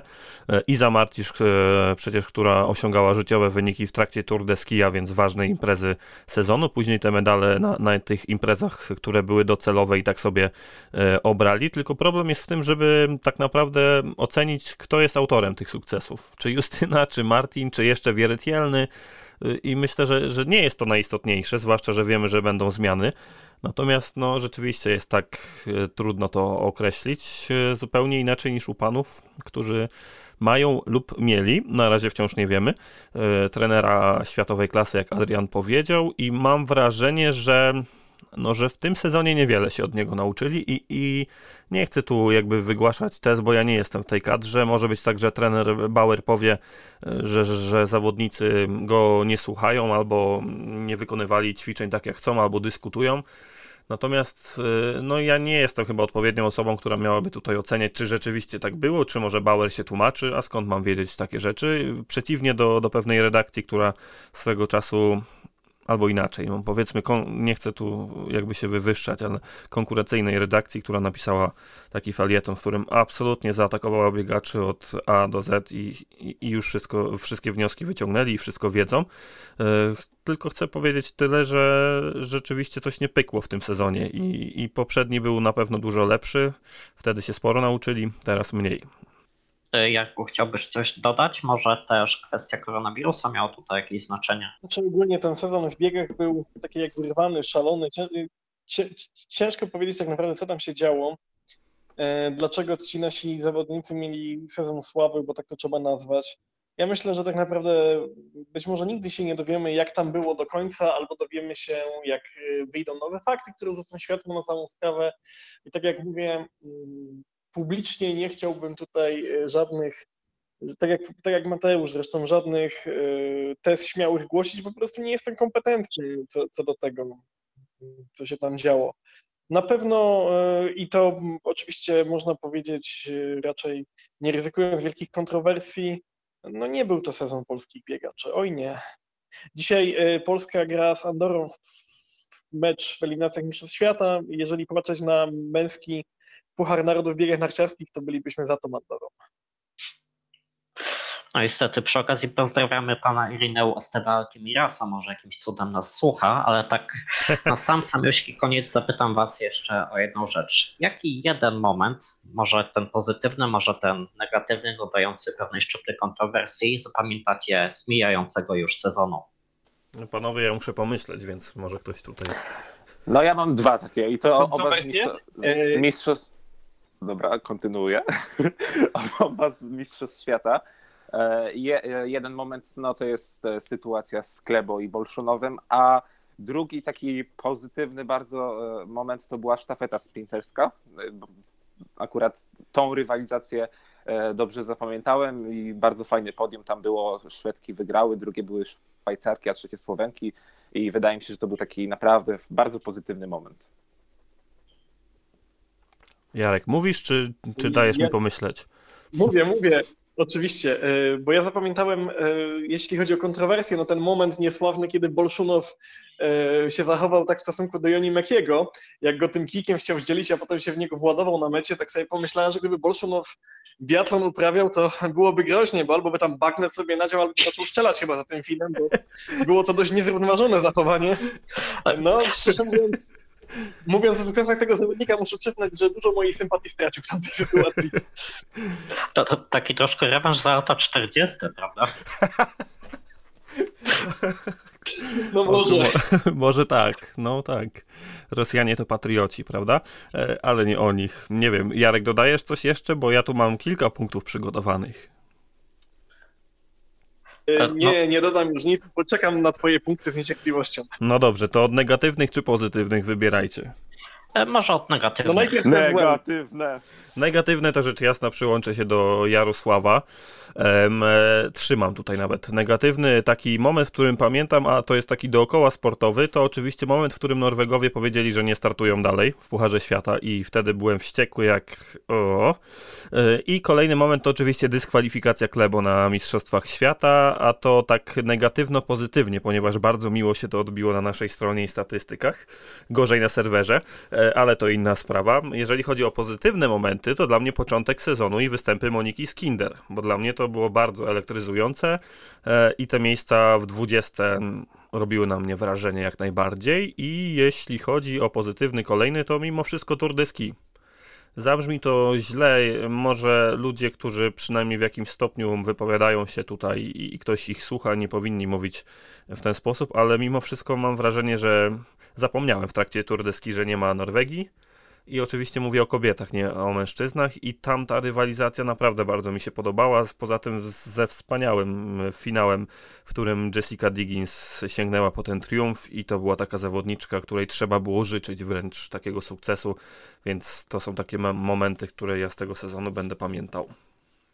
E, odpowiem jeszcze za siebie. Sam bardzo dobrze pamiętam finałowy bieg na 50 km mężczyzn na Mistrzostwach Świata w Oberstdorfie, ale nie tyle z powodu same, samych kontrowersji na mecie, kiedy to wiadomo przyznano ostatecznie zwycięstwo Iversenowi, a Johannesa Klebo zdyskwalifikowano, ale bardzo przez wiele, wiele kilometrów trzymałem kciuki za Jensa Burmana, Oj tak. którego personalnie bardzo lubię. I powoli wychodzi na to, że jest to całkiem niezły narciarski maratończyk. Startuje już w zawodach Wisma Ski Classics i no, bardzo wtedy żałowałem, że nie zdobył on medalu. No a tymczasem e, całkiem niedawno w szwajcarskiej Engadynie zakończył się już ten sezon Pucharu Świata 2020-2021 i tak jak tą szwajcarską czekoladę kawałek po kawałku opisywaliśmy zmagania biegaczy i biegaczek narciarskich i na Mistrzostwach Świata, i na Tour de Ski, i na Pucharze Świata. Tymczasem najbardziej zadowoleni są Jessica Diggins i Aleksander Bolszunow, zdobywcy kryształowej kuli. Teresa Haupt cieszy się z kolejnych, nastych już Mistrzostw Świata. A ja personalnie cieszę się z tego, że mogłem porozmawiać tutaj z Wami na temat tego sezonu, bowiem byli tu Jarosław Gracka z polskiewinter.pl. Dziękuję bardzo. A także Mateusz Wasiewski z tej samej redakcji. Dziękuję. E, porozmawiamy jeszcze z Wami nieco później o biatlonie. E, rozmawiałem też oczywiście z Mateuszem Kolem, z którym bieżący podcast poprowadzę. A tymczasem zapraszamy na zapowiadaną już wcześniej rozmowę z naszą najlepszą biatlonistką Moniką Hojnisz z Taręgu. Halo, tu zima. Gościem ostatniego wydania tego sezonu Halo Tu Zima jest e, najlepsza polska biatlonistka, mistrzyni Europy, dwukrotna mistrzyni Polski sprzed tygodnia, bowiem, bowiem w poprzedni weekend to się działo. Monika Hojnisz-Starenga, witamy serdecznie. Witam bardzo serdecznie. Na początek e, w tych trudnych czasach, no i po sezonie. Sporo mówi się o tym, że, że ludzie różnie podchodzą do, do czasów pandemii, więc zapytam Panią o to, jak, jak zdrowie pod względem fizycznym, jak, jak Pani się mentalnie trzyma. E, u mnie wszystko w porządku. Ja tak naprawdę jestem ozdrowieńcem, więc e, myślę, że chociaż na jakiś czas mam jakieś te przeciwciała i nie muszę się obawiać, na ile to jest oczywiście możliwe. Aktualnie no to jestem po sezonie i, i teraz czas na regenerację, więc też z tego będę korzystała w 100% i na ile to jest y, możliwe w tych, w tych czasach właśnie tych obostrzeń i, i trochę ograniczonego tego korzystania z, z tych y, fizy, e, fizykoterapii i tak dalej, bo akurat w tym okresie zwykłam dużo pływać, to fajnie przynosi takie uwolnienie, o powiem tak, to jest fajny, fajna metoda na, na regenerację trochę, e, a że gdzieś tam ten temat jest mi bliski, to, to zawsze z tego korzystałam. No niestety e, teraz tego chyba nie zrobię, no bo nie ma jak, ale będę w, w inny sposób dostępny korzystała z innych udogodnień i innych e, opcji regeneracji na pewno. No na pewno jest to konieczne po, po sezonie i na początku wymieniałem sukcesy pani z tego sezonu i mam takie wrażenie, że mimo wszystko nie jest chyba pani do końca zadowolona z tej zimy, prawda? Mm, dokładnie, dokładnie. Biorąc pod uwagę całą zimę, no to e, na pewno nie jest to, e, o czym marzyłam przed sezonem, ani ani gdzieś tam do końca nie, nie mogę czuć się spełniona, spełniona poza jakimiś takimi pojedynczymi wynikami czy e, pojedynczymi, e, pojedynczymi startami i, i gdzieś tam czasami biegowymi, które e, analizowałam. No tutaj no, na pewno najwa, naj, najważniejszym wynikiem w, w tym sezonie no to było Mistrzostwo Europy. Oczywiście jeżeli chodzi o Mistrzostwa Świata, to też bywały emocje i bywało blisko, no ale ale to tylko bywało. No jedynie co to y, pokazałyśmy się z dobrej strony w sztafecie, gdzie ostatecznie skończyłyśmy e, na szóstym miejscu i to chyba był taki wynik wow, na który biorąc pod uwagę dyspozycję, którą mm, prezentowałyśmy, no to chyba nikt się nie spodziewał. No zdecydowanie to był najlepszy wynik z sztafety chyba od pięciu lat, jak się nie mylę, i trzeci w ogóle w historii, więc naprawdę wow, ale tak się zastanawiam, mm, na ile te problemy zdrowotne, bo to nie, nie to, co pani mówiła na początku tylko, yy, czyli, że jest pani ozdrowieńcem, jak to wszystko, co się działo przed sezonem wpłynęło na tę zimę, bo wydaje się, że to, to chyba mogło się trochę przyczynić. Właśnie teraz jest taki czas na, na analizy i tak naprawdę do, na dojście do tego, co było zrobione źle po kolei, albo co miało też wpływ na, e, na, ta, na cały ten sezon. E, e, ja mnie dotknął wirus przed sezonem tak naprawdę, więc gdzieś tam na początku te gorsze wyniki zwalałam, że tak mogę powiedzieć, na na tego koronawirusa, aczkolwiek ja go przyszłam bezobjawowo, a powikłania jakie były, e, no to e, nie wiem w jaki sposób one wpłynęły bądź nie na ten sezon, e, ale na pewno te początki nie były dla mnie łatwe. Zresztą widać było też po innych zawodnikach, którzy wracali na Puchar Świata, a byli po covid mm, że to, że to nie było takie łatwe. E, no tak jak mówię, no trochę miałam burzę mózgów i, i, i, dalej mam, e, co było przyczyną, bo czynników może być wiele, może za dużo treningu, może właśnie gdzieś e, ta sfera fizyczna po, po wirusie. No można, można dużo, dużo um, rozkminiać i tak naprawdę wnioskować. Potem przyszedł taki moment, że, że było lepiej i, i to mnie trochę gdzieś tam podbudowało. E, no ale w dalszym ciągu nie było oczywiście to, to y, y, czego się spodziewałam i na, na co liczyłam y, w tym sezonie. No właśnie, ja nie wiem, czy ryzyko będzie tu odpowiednim słowem, ale chyba trochę zaryzykowaliście, odpuszczając niektóre starty w Pucharze Świata. Czy pani czuła, że to jest dobra metoda i czy z perspektywy czasu myśli pani, że to był jedyny rozsądny ruch w trakcie sezonu? E, powiem szczerze, że to było planowane. E, ja też y, gdzieś tam w kontakcie z trenerem na to się decydowałam. Ale teraz jak patrzę, że tak naprawdę gdzieś te nowe miasto było dla mnie takie już lepsze trochę i, i nawet Mistrzostwa Polski. Chodzi mi o takie samopoczucie, no i oczywiście w nowym mieście mogą też się porównywać z tymi najlepszymi, to mogę powiedzieć, że gdzieś ta końcówka była dla mnie taka e, ciut lepsza, e, więc e, można byłoby się pokusić o takie stwierdzenie, że może potrzebowałam więcej statów, skoro gdzieś tam na koniec sezonu dopiero lepiej się czułam. No ale e, jakby to było robione z myślą, że żeby odpuścić na, na korzyść gdzieś tam Mistrzostw Świata, lepszego wyniku, e, lepiej zregenerowanego e, organizmu. Ja też e, po drodze nie wiedziałam, co wpływa na te moje wyniki, czy na tą gorszą dyspozycję, więc też myślałam, że może taki krok jest dobry, no ale, ale jak się okazuje, może, może nie była to najlepsza decyzja. Ja tu nie chcę oczywiście negować, no bo, mhm. no bo, no tak jak mówię, no robiliśmy to, co na chwilę obecną uważaliśmy za słuszne, a ja wierzyłam w to, że to gdzieś tam poprawi tą moją formę. Mhm.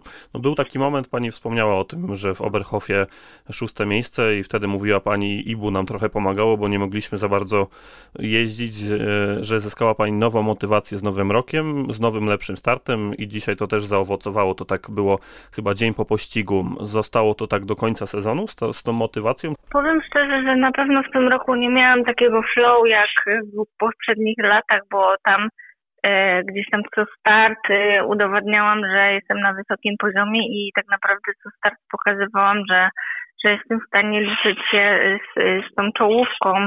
E, tutaj niestety tylko te pojedyncze starty gdzieś tam dawały tą motywację.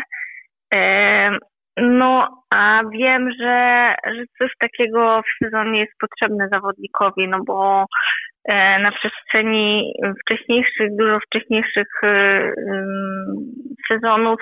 Wiem, że takie jednorazowe występy, e, fajne jednorazowe występy, no okej, okay, są dobre, ale, ale nie motywują na tyle zawodnika. Nie leci on na tak zwanym flow, jak ja to nazywam, i, i to naprawdę daje dużego kopa i, i Mm, potem zupełnie inne podejście zawodnik ma do, całe, do, do startu, do sezonu.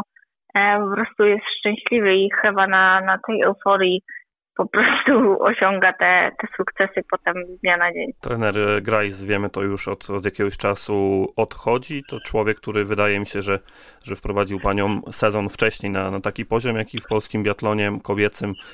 No, chyba nie było czegoś takiego, żeby aż tyle startów jak na koniec sezonu pani miała e, w czołowej szóstce chyba chyba na, na, na 6 startów 5 było w czołowej szóstce. To był fajny, fajny moment, myślę, że w Pani karierze i tak się zastanawiam, czy, czy rzeczywiście jest tak, że dobrnęliście do pewnego sufitu i, i to był dobry krok, żeby, żeby jednak trener zrezygnował? Myślę, że to był dobry krok. To była decyzja zarówno trenera, jak i zawodników. Osiągnęliśmy taki etap, że powiedzieliśmy sobie, że to wystarczy. E, rzeczywiście e, ubiegły sezon był bardzo dobry dla mnie, bardzo udany. No ale też nie zapominajmy, wcześniej też e, sezon miałam jeszcze lepszy tak naprawdę za trenerki Nadi, więc jakby wszystkiego nie mogę tutaj przykleić trenerowi Grace'owi, ale oczywiście też mu nic nie, E, nie odbieram żadnych zasług i tak dalej. Jest to zawodnik doświadczony, który dużo wiedzy e, mi przekazał i dużo takich e, rzeczy, o których nie wiedziałam, a, a trenując tyle i będąc w tym świecie biatlonowym myślałam, że, że wiem już wiele, a okazało się, że po prostu zawodnik tak doświadczony może jeszcze wiele i wiele się nauczyć, a tak doświadczony E, trener, zawodnik może wiele jeszcze przekazać. Prezes związku e, po tym, jak, jak dowiedzieliśmy się, że, że trener odchodzi, mówił, że, że miał dość specyficzną i trudną, akceptowalną dla zawodniczek filozofię treningową. Dochodziło do sporów i konfliktów. To są rzeczy, których lepiej nie wyciągać dzisiaj? Myślę, że tak. Nigdy takie rzeczy nie są łatwe do, mhm. do opowiadania. Na pewno nie. E, na pewno E, no jeżeli prezes już to powiedział, no to ja tu nie będę kryła, ale na pewno dla nas zawodniczek nie była to łatwa sytuacja, zwłaszcza taka ze, ze względów e, psychicznych, że tak powiem, bo myślę, że każdy trening trenera Grace'a byłybyśmy w stanie znieść, no ale e, ja, ja zawsze mówię, że jak zawodnik e, nie jest zmotywowany i nie ma dobrze poukładane w głowie, to żaden najlepszy trening ani trener nie jest w stanie po prostu go gdzieś tam poprowadzić na szczyty. Mhm. No właśnie, to jest zmiana trenera znowu w pani karierze. Zmiana, ale to też nie jest obca osoba absolutnie. E, coś takiego przed igrzyskami, rok przed igrzyskami, chyba drugi raz, bo Tobias też był przed igrzyskami. Tak. To wprowadza jakiś niepokój, czy, czy stara się pani pozytywnie myśleć? E, powiem szczerze, że teraz y, śmiało mogę powiedzieć, że mam tak, że, że spadł mi kamień z serca. O, i ja jestem spokojna, jestem zmotywowana. E, trenera Adama Kołodziejczyka znam od ho, ho, ho i jeszcze dłużej tak naprawdę prowadził mnie od, e, od momentu, kiedy pierwsze kroki stawiałam na nartach, więc no już e, trochę lat na karku mam, to jest sporo lat.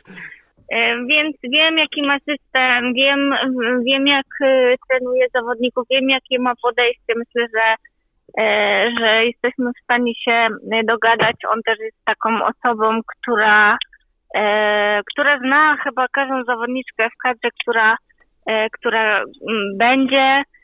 No a też jako dyrektor sportowy miał na bieżąco wgląd do naszych dzienniczków i objętości, jakie wykonujemy, więc też wie, co robiłyśmy przez ostatnie lata, więc myślę, że ta zmiana może być dobra, ma też zupełnie inny system treningowy niż trener Grice i może akurat na rok przed igrzyskami taki bodziec dobrze zrobi.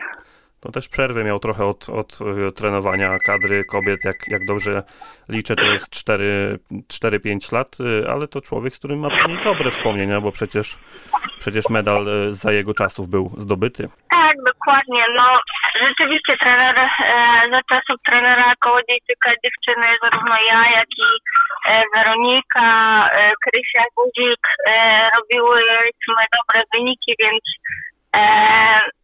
na pewno gdzieś tam do y, tego treningu będzie on nawiązywał i trzymał się tego. E, ma też swoją filozofię. E, też widzę, że, że lubi się uczyć, lubi korzystać z wiedzy innych, więc myślę, że może to zaowocować. Dobrze, czas nam się kończy, więc na koniec zapytam, czego, czego pani życzyć przed tym okresem przygotowawczym? Myślę, że żebym już więcej nie miała kwarantanny, żeby mi nic się nie dopadało i przede wszystkim zdrowia i kontuzji. Jak to będzie, to myślę, że zdrowie pozwoli mi po prostu przepracować w 100% cały e, zbliżający się sezon, a motywacji mam na tyle, że, e, że powinnam z wiarą i, i motywacją e, dotrwać do Igrzysk Olimpijskich. Okej, okay, to trzymamy kciuki za to w takim razie.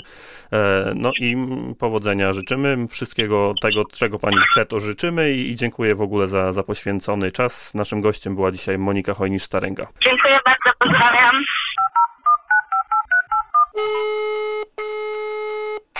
Halo, tu zima.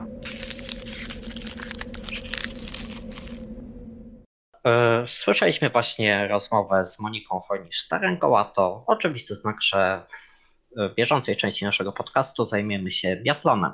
Skład naszej kadry pozostaje niezmienny, a mianowicie czteroosobową sztafetę męską tworzę ja, a także Mateusz Król, Jarosław Gracka i Maciej Wasiewski, cała czwórka z portalu sportswinter.pl. I z czystym kątem na strzelnicy. No, całe szczęście. I właśnie a propos strzelnicy, na początku mam dla Was takie pięć szybkich strzałów na koniec tego sezonu 2020-2021. A mianowicie y, Mateusz, czy Sturla Allegri, który był w tym sezonie, jak wiadomo, drugi w klasyfikacji generalnej, zatrzyma w przyszłym roku Johannesa Tingnesa B? Mateusz, czyli chyba ja. Dokładnie, bo wiem Mati Wasiewski to oczywiście Mati. No tak, no tak. Yy, nie wiem. Jakbym był wróżką, to bym wiedział, ale postaram się powróżyć. Postaram się powróżyć i życzę mu tego, żeby tak było. Aczkolwiek jeszcze bardziej życzę innemu zawodnikowi, najlepiej spoza Norwegii. Nie dlatego, że mam uprzedzenie do Norwegii, ale no fajnie by było, jakby tam się ktoś wmieszał w tak spoza Norwegii, no bo mam wrażenie, że zacznie nam się robić za chwilę taka zabawa jak w biegach narciarskich, a tego bym nie chciał w biatlonie. I, i o ile myślę, że to jest zawodnik, który ma wielką przyszłość przed sobą, o tyle czasami mam zawsze taki procent myśli w głowie, że czasami jak ktoś za szybko i tak gwałtownie osiąga sukcesy, to później może mieć problem z tym, żeby to utrzymać. I ja myślę, że to będzie taki znak zapytania dla Grada, czy on utrzyma się w tej ścisłej czołówce. E, to, to fakt, widzisz w nim jakieś podobieństwo do Tarjeja B, który jak pamiętam mniej więcej 10 lat temu zdobył kryształową kulę, a potem było o nim troszeczkę ciszej. No widzę podobieństwo różnicy takiej, że on że on nie zdobył ostatecznie tego Pucharu Świata głównego e, i, i tak mam wrażenie, że on w tych ostatnich zawodach trochę się posypał, może mentalnie, nie wiem. Często zrzucamy wszystko na mentalną sferę, a nie do końca na przykład myślimy sobie, że po prostu popełnił błąd jak zwykły człowiek, a, a niekoniecznie przez presję. E, nie wiem, czy będę go porównywał do Tarie, który nomen omen w tym sezonie tak wrócił trochę, prawda? No tak, e, mimo wszystko walczy jeszcze w tej kadrze A norweskiej, ale mnie bardzo zaintrygował ten drugi norweski szereg. Czy widzisz wśród tych nieco młodszych, mniej doświadczonych betonistów kogoś, kto mógłby na stałe dołączyć do czołowej dziesiątki, podobnie jak Legrade zrobił to na początku tego sezonu? Ale, ale pytasz o Norwegię, czy ogólnie o takich nast o nastolatków? E, pytam o Norwegów, chociaż jeśli dostrzegasz innych nastolatków, to bardzo chętnie posłuchamy i w Norwegii jest e, takie, wydaje mi się, dosyć utalentowane rodzeństwo e, o bodajże nazwisku Andersen i oni już się pokazali na Pucharze Świata, są młodziej, a jeden z nich już miał okazję zdobyć punkty Pucharu Świata. Właściwie oni obaj zdobyli, natomiast jeden był znacznie wyżej. Teraz imion nie pamiętam, więc nie, nie powiem, natomiast e, może oni.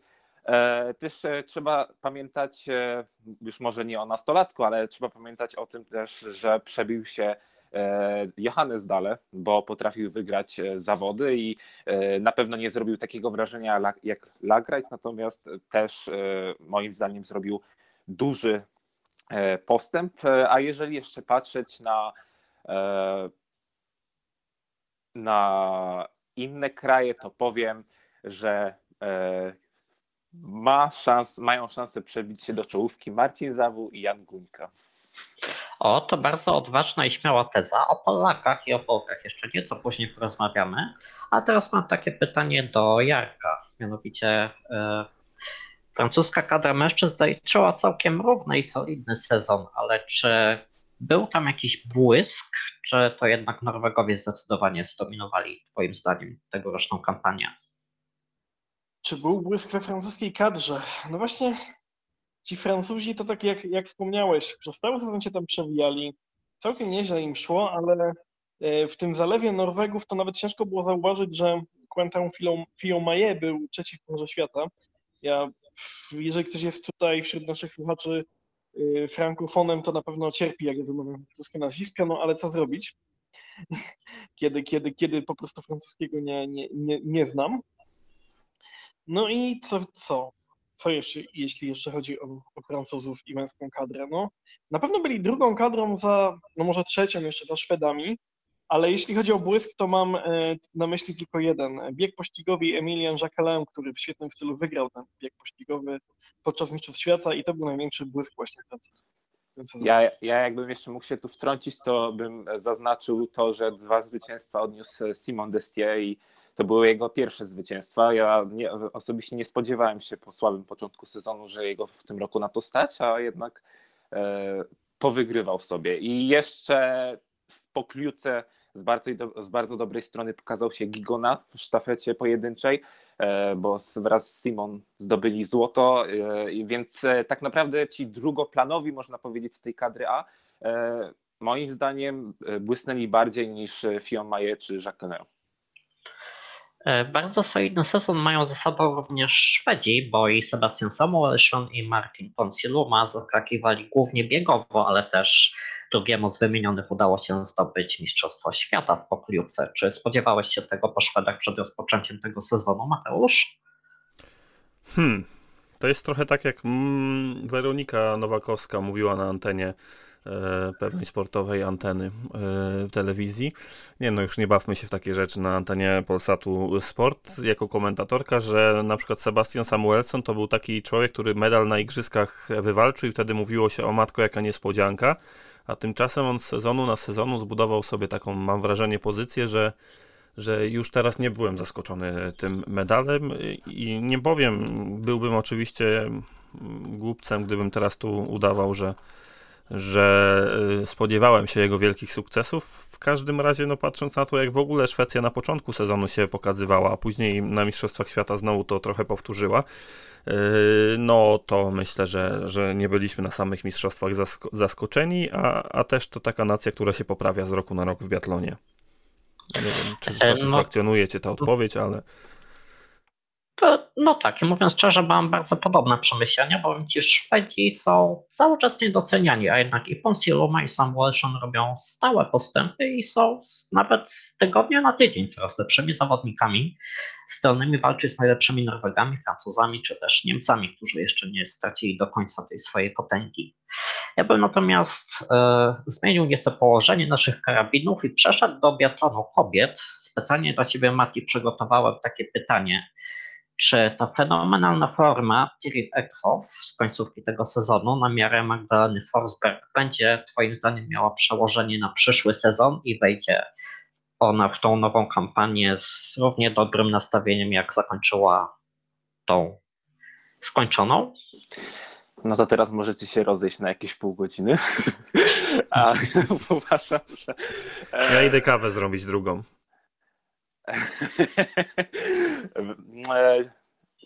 Wydaje mi się, że jeżeli ona przepracuje znowu bez żadnych, znaczy znowu, ja, ja nie wiem, czy ona miała jakieś problemy w poprzednim okresie przygotowawczym, ale jeżeli e, teraz e, ona przepracuje w pełni e, całe lato, to jakoś mam przeczucie, nie wiem skąd się bierze, ale mam przeczucie, że może dalej do, ja jestem bardzo obiektywny i dlatego mówię, że, e, że może dalej dominować, chociaż e, też chciałem zaznaczyć, że w tym sezonie ona miała słaby początek sezonu, e, słaby początek i bodajże dwóch albo trzech, ale chyba dwóch biegach w ogóle nie punktowała i była bardzo niestabilna jak za swoich najbardziej charakterystycznych lat, ale no, potem zaczęła robić to, co rok temu z, ze zmianą taką, że e, na Mistrzostwach Świata także była dominatorką, a nie tak jak rok temu, e, że wyjechała bez e, złota indywidualnego.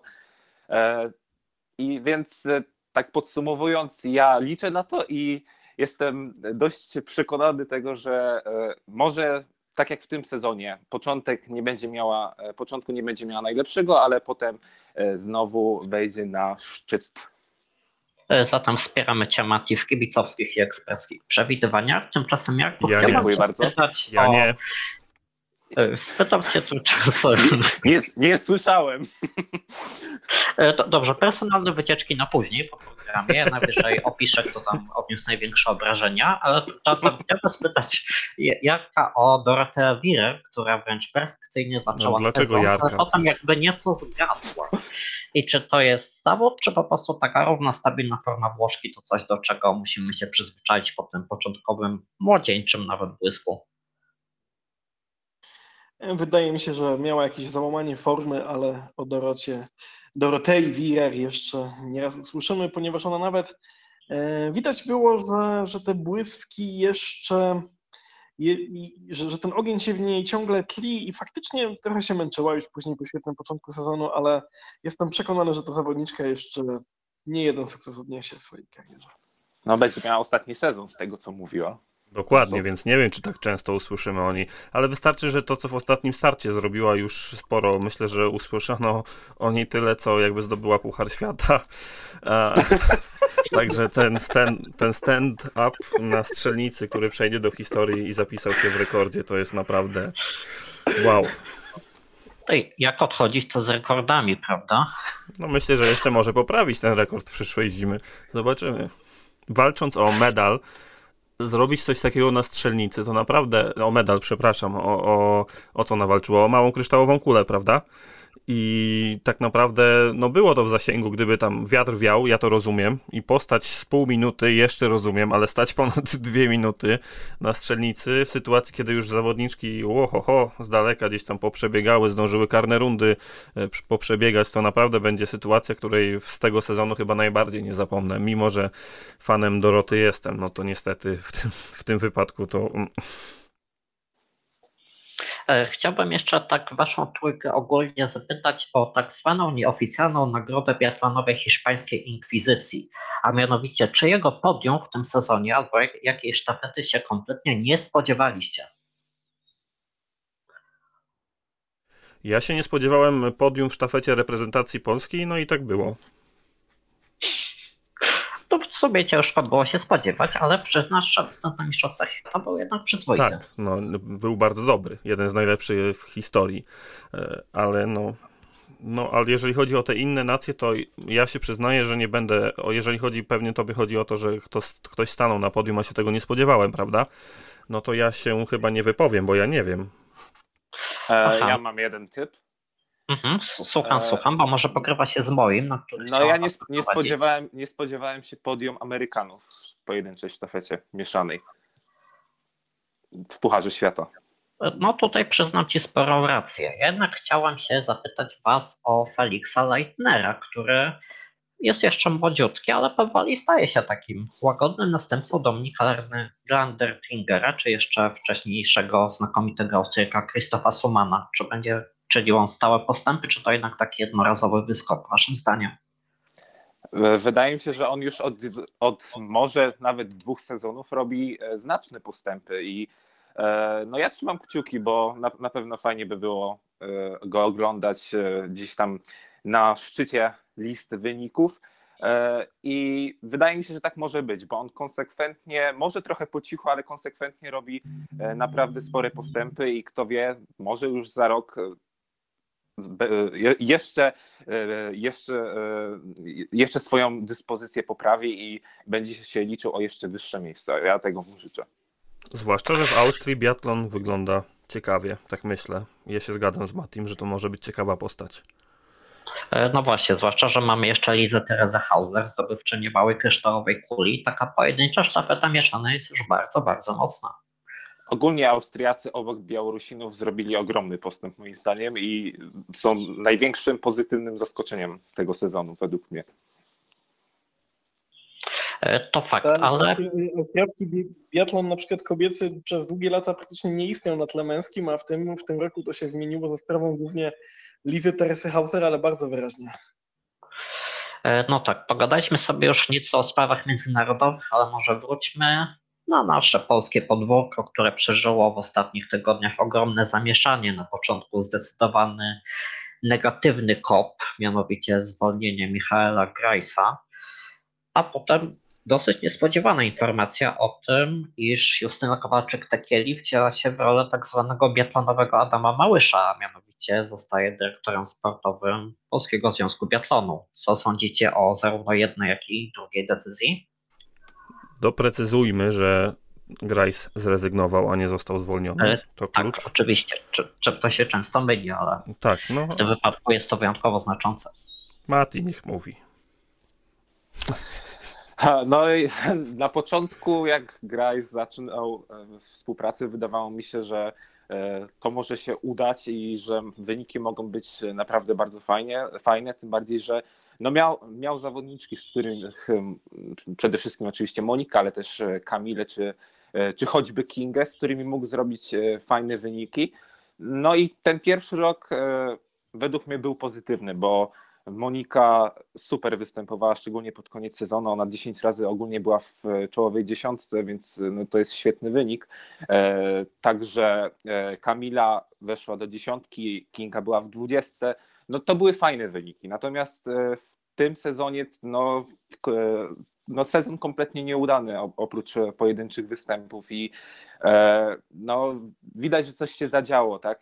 Na linii, na linii zawodniczki trener i e, no ja uważam, że to jest suma summarum dobra decyzja, że, że on, on zrezygnował, bo no z tego, co słyszeliśmy choćby od Moniki, on bardzo źle na nie wpływał psychicznie i nie miały takiej motywacji do treningów, a jeżeli nie ma się motywacji, no to ciężko też o jakieś sukcesy. Także ja ogólnie, e, mimo że z trenerem Grajsem mi się dwukrotnie bardzo dobrze rozmawiało, to jednak cieszę się, że już po prostu ta współpraca została zakończona, skoro dowiedzieliśmy się, że zawodniczki po prostu się męczyły z nim. No właśnie, i to jest takie, takie zaskoczenie dla mnie właśnie, że to tak wyszło, bo ja miałem wrażenie, że jak przyjdzie trener z Niemiec, to on nie tyle będzie układał e, fajnie treningi i będzie mm, siłowo dokładał dziewczynom i one się fizycznie rozwiną, co właśnie mentalnie. I to mnie bardzo mocno zaskoczyło, więc ja jeszcze miesiąc temu jakieś pogłoski były, że czytam nawet przed sezonem, że tam może być nieciekawie e, w, z Grajsem, to, to mi się wydawało, że a może dziewczyny przesadzają, ale jak tak słucham teraz tego wszystkiego, to to skoro nawet prezes uwierzył, a różnie to bywało w przeszłości, przecież z wiarą zawodniczką, no to chyba jednak chyba jednak coś w tym było i, i trochę, trochę dziwne dla mnie, to ja tak to powiem, że, że, że człowiek um, z takimi sukcesami w ten sposób podchodził do tego wszystkiego. Zresztą Monika mówiła, że on nie potrafił zmotywować do treningu odpowiednio, więc, więc dla mnie to trochę no. zaskakujące. On jest na początku no. chyba drogi trenerskiej, jak się nie mylę, takiej poważnej, więc może dlatego. Tak, no on do tej pory współpracował tylko z Amerykanami jeden sezon bodajże, no ale teraz już e, z tego co mi mówił, nie chce kontynuować tej pracy i też wiem, że dziewczynom tak mówił, więc e, no raczej go już nie zobaczymy no, bynajmniej na razie, w, przynajmniej na razie w, e, w roli trenera, ale mnie też zawiódł z tego powodu, że on nie spisał się ani właśnie pod tym kątem mentalnym, ani też wydaje się pod kątem fizycznym, bo Weronika Nowakowska też na antenie Polsatu Sport e, podczas jednego z biegów mówiła o sytuacji Kingi Zbylut e, i mówiła o jej bardzo złych wynikach e, krwi wynikające z przemęczenia, także no, wydaje się, że po prostu on im dołożył bardzo dużo obciążeń, a no, nie był konsekwentny, czy po prostu ułożył zły ten plan przygotowań na, na tą zimę i wyszło, wyszło jak wyszło po prostu. Jarek może coś Mam... powie o Justynie, co? Słucham? Coś o Justynie powiesz? E, no, powiem, że to jest bardzo ciekawe posunięcie Polskiego Związku Biatlonu, bardzo odważne i na owoce przyjdzie nam, owoce przyjdzie nam ocenić, myślę, że koniec przyszłego sezonu. Dyplomata. Ja tak jeszcze, nawiąz ja tak jeszcze nawiązując do Michaela Grajsa, to myślę, że jest w naszym myśleniu coś takiego nietypowego, że myślimy, że ktokolwiek by nie przyszedł do nas mhm. pracować, czy, czy uczyć naszych sportowców z zachodu, to po prostu będzie zdecydowanie lepsze, będzie jakąś alfą i omegą. Będziemy musieli być wpatrzeni w niego jak w święty obrazek i po prostu wykonywać wszystkie jego polecenia, bo on na pewno wszystko wie. A może, a może na przykład ten Michał Grajs miał jakiś, nie wiem, wewnętrzny kryzys życiowy i nie potrafił przełożyć swojej wiedzy, którą no, z pewnością posiada, no bo w końcu zawodnikiem był nie byle jakim i zwyczajnie no, coś tutaj nie zagrało, także nie szukajmy w pierwszej kolejności winnych zawodnikach, którzy muszą się mhm. rzekomo względnie podporządkowywać trenerowi, bo oni sami wiedzą również e, na co tak naprawdę trener powinien sobie pozwolić i oni znają swoje organizmy i wiedzą na co tak naprawdę ich potem stać. Patrząc w ogóle na polski biatlon, kobiecy przynajmniej, to mam wrażenie, że tak trochę i męski zresztą też, bo nawet nie chodzi o zachód, ale też północ, bo z Norwegii przychodzili i no średnio, chociaż myślę, że Weronika mówiła, że akurat jak Tobias y, przyszedł, y, to ona była zadowolona z tego, ale mam wrażenie, że jednak ze wschodu ci trenerzy bardziej naszym odpowiadają. Ale to tylko Chociażby patrząc na sezon z Białową. Tak, dokładnie. I to za czasów Sikory też, tak? I wcześniej mam wrażenie, że to była taka trenerka tak, ostra, ale mimo wszystko Monika zresztą tak zasugerowała, że, że, że to nie jest tak, że Grice ją do poprzedniego sezonu tak super przygotował i tylko jemu zawdzięcza taki mhm. wybuch formy, ale jednak Biłowa też wcześniej. I to był wielki żal, że, że tak się to skończyło, że ona tam tą chorobę miała, prawda? Tak, tak. Tym bardziej, że Biłowa tak. chyba też e, trenowała Kamilę, jak ona zdobywa Mistrzostwa Świata Juniorów. Tak mi się wydaje przynajmniej. E, był na pewno taki epizod, chyba była konsultantką, a nie trenerką, ale patrzę, Aha. była jakaś współpraca. Okej. Okay. E, tak, i właśnie któryś z Was, nie wiem czy to był Mati czy Jarek, wspomniał już dzisiaj o naszych dwóch e, młodzieżowcach, młodych biatlonistach, o Janie Guńce i o Marcinie Zabole. E, gdzie widzicie zarówno jednego, jak i drugiego w przyszłym sezonie? Czy już na tej nieco głębszej wodzie, czyli w Pucharze Świata, czy nadal w Pucharze IBU, czy w zawodach niższej rangi? No ja bym na początku e, widział ich w Pucharze e, IBU i zobaczył, jak oni się spisują na tle e, nieco słabszej stawki, ale już z seniorami. Jeżeli te wyniki byłyby dobre, to, e, to ja bym im dał szansę chociaż raz, żeby, e, żeby wystartowali. Tym bardziej, że to już będzie pierwszy rok w juniorach tych normalnych, już nie będą juniorami młodszymi, w przeciwieństwie choćby do Konrada Badacza. I myślę, że taką szansę fajnie jakby otrzymali. E, zobaczymy, tym bardziej, że jeszcze nie wiemy, jak będzie wyglądała kadra A mężczyzn na sezon, bo to nie jest takie oczywiste, że cała czwórka będzie, e, która teraz była, zostanie w kadrze A. E, I zobaczymy po prostu, jak to się rozłoży, ale ja osobiście, jeżeli oni dobrze się spiszą w Pucharze IBU i pokażą się dobrze na tle seniorów, to dałbym im szansę.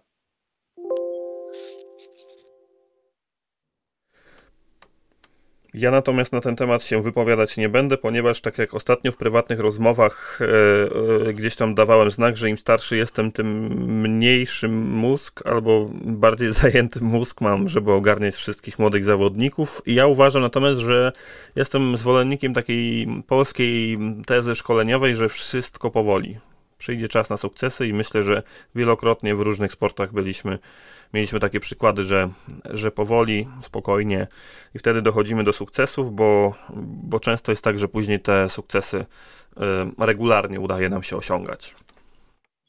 E, Jarek, co myślisz? E, przychylasz się do zdania Mateusza? Lepiej spokojnie, czy od razu dać szansę pucharze? Nie, na spokojnie, na spokojnie. Za wiele talentu się zmarnowało tym e, w ten sposób, że dawano im szansę sprawdzić się z najlepszymi i widać było jeszcze tą przepaść, także na spokojnie.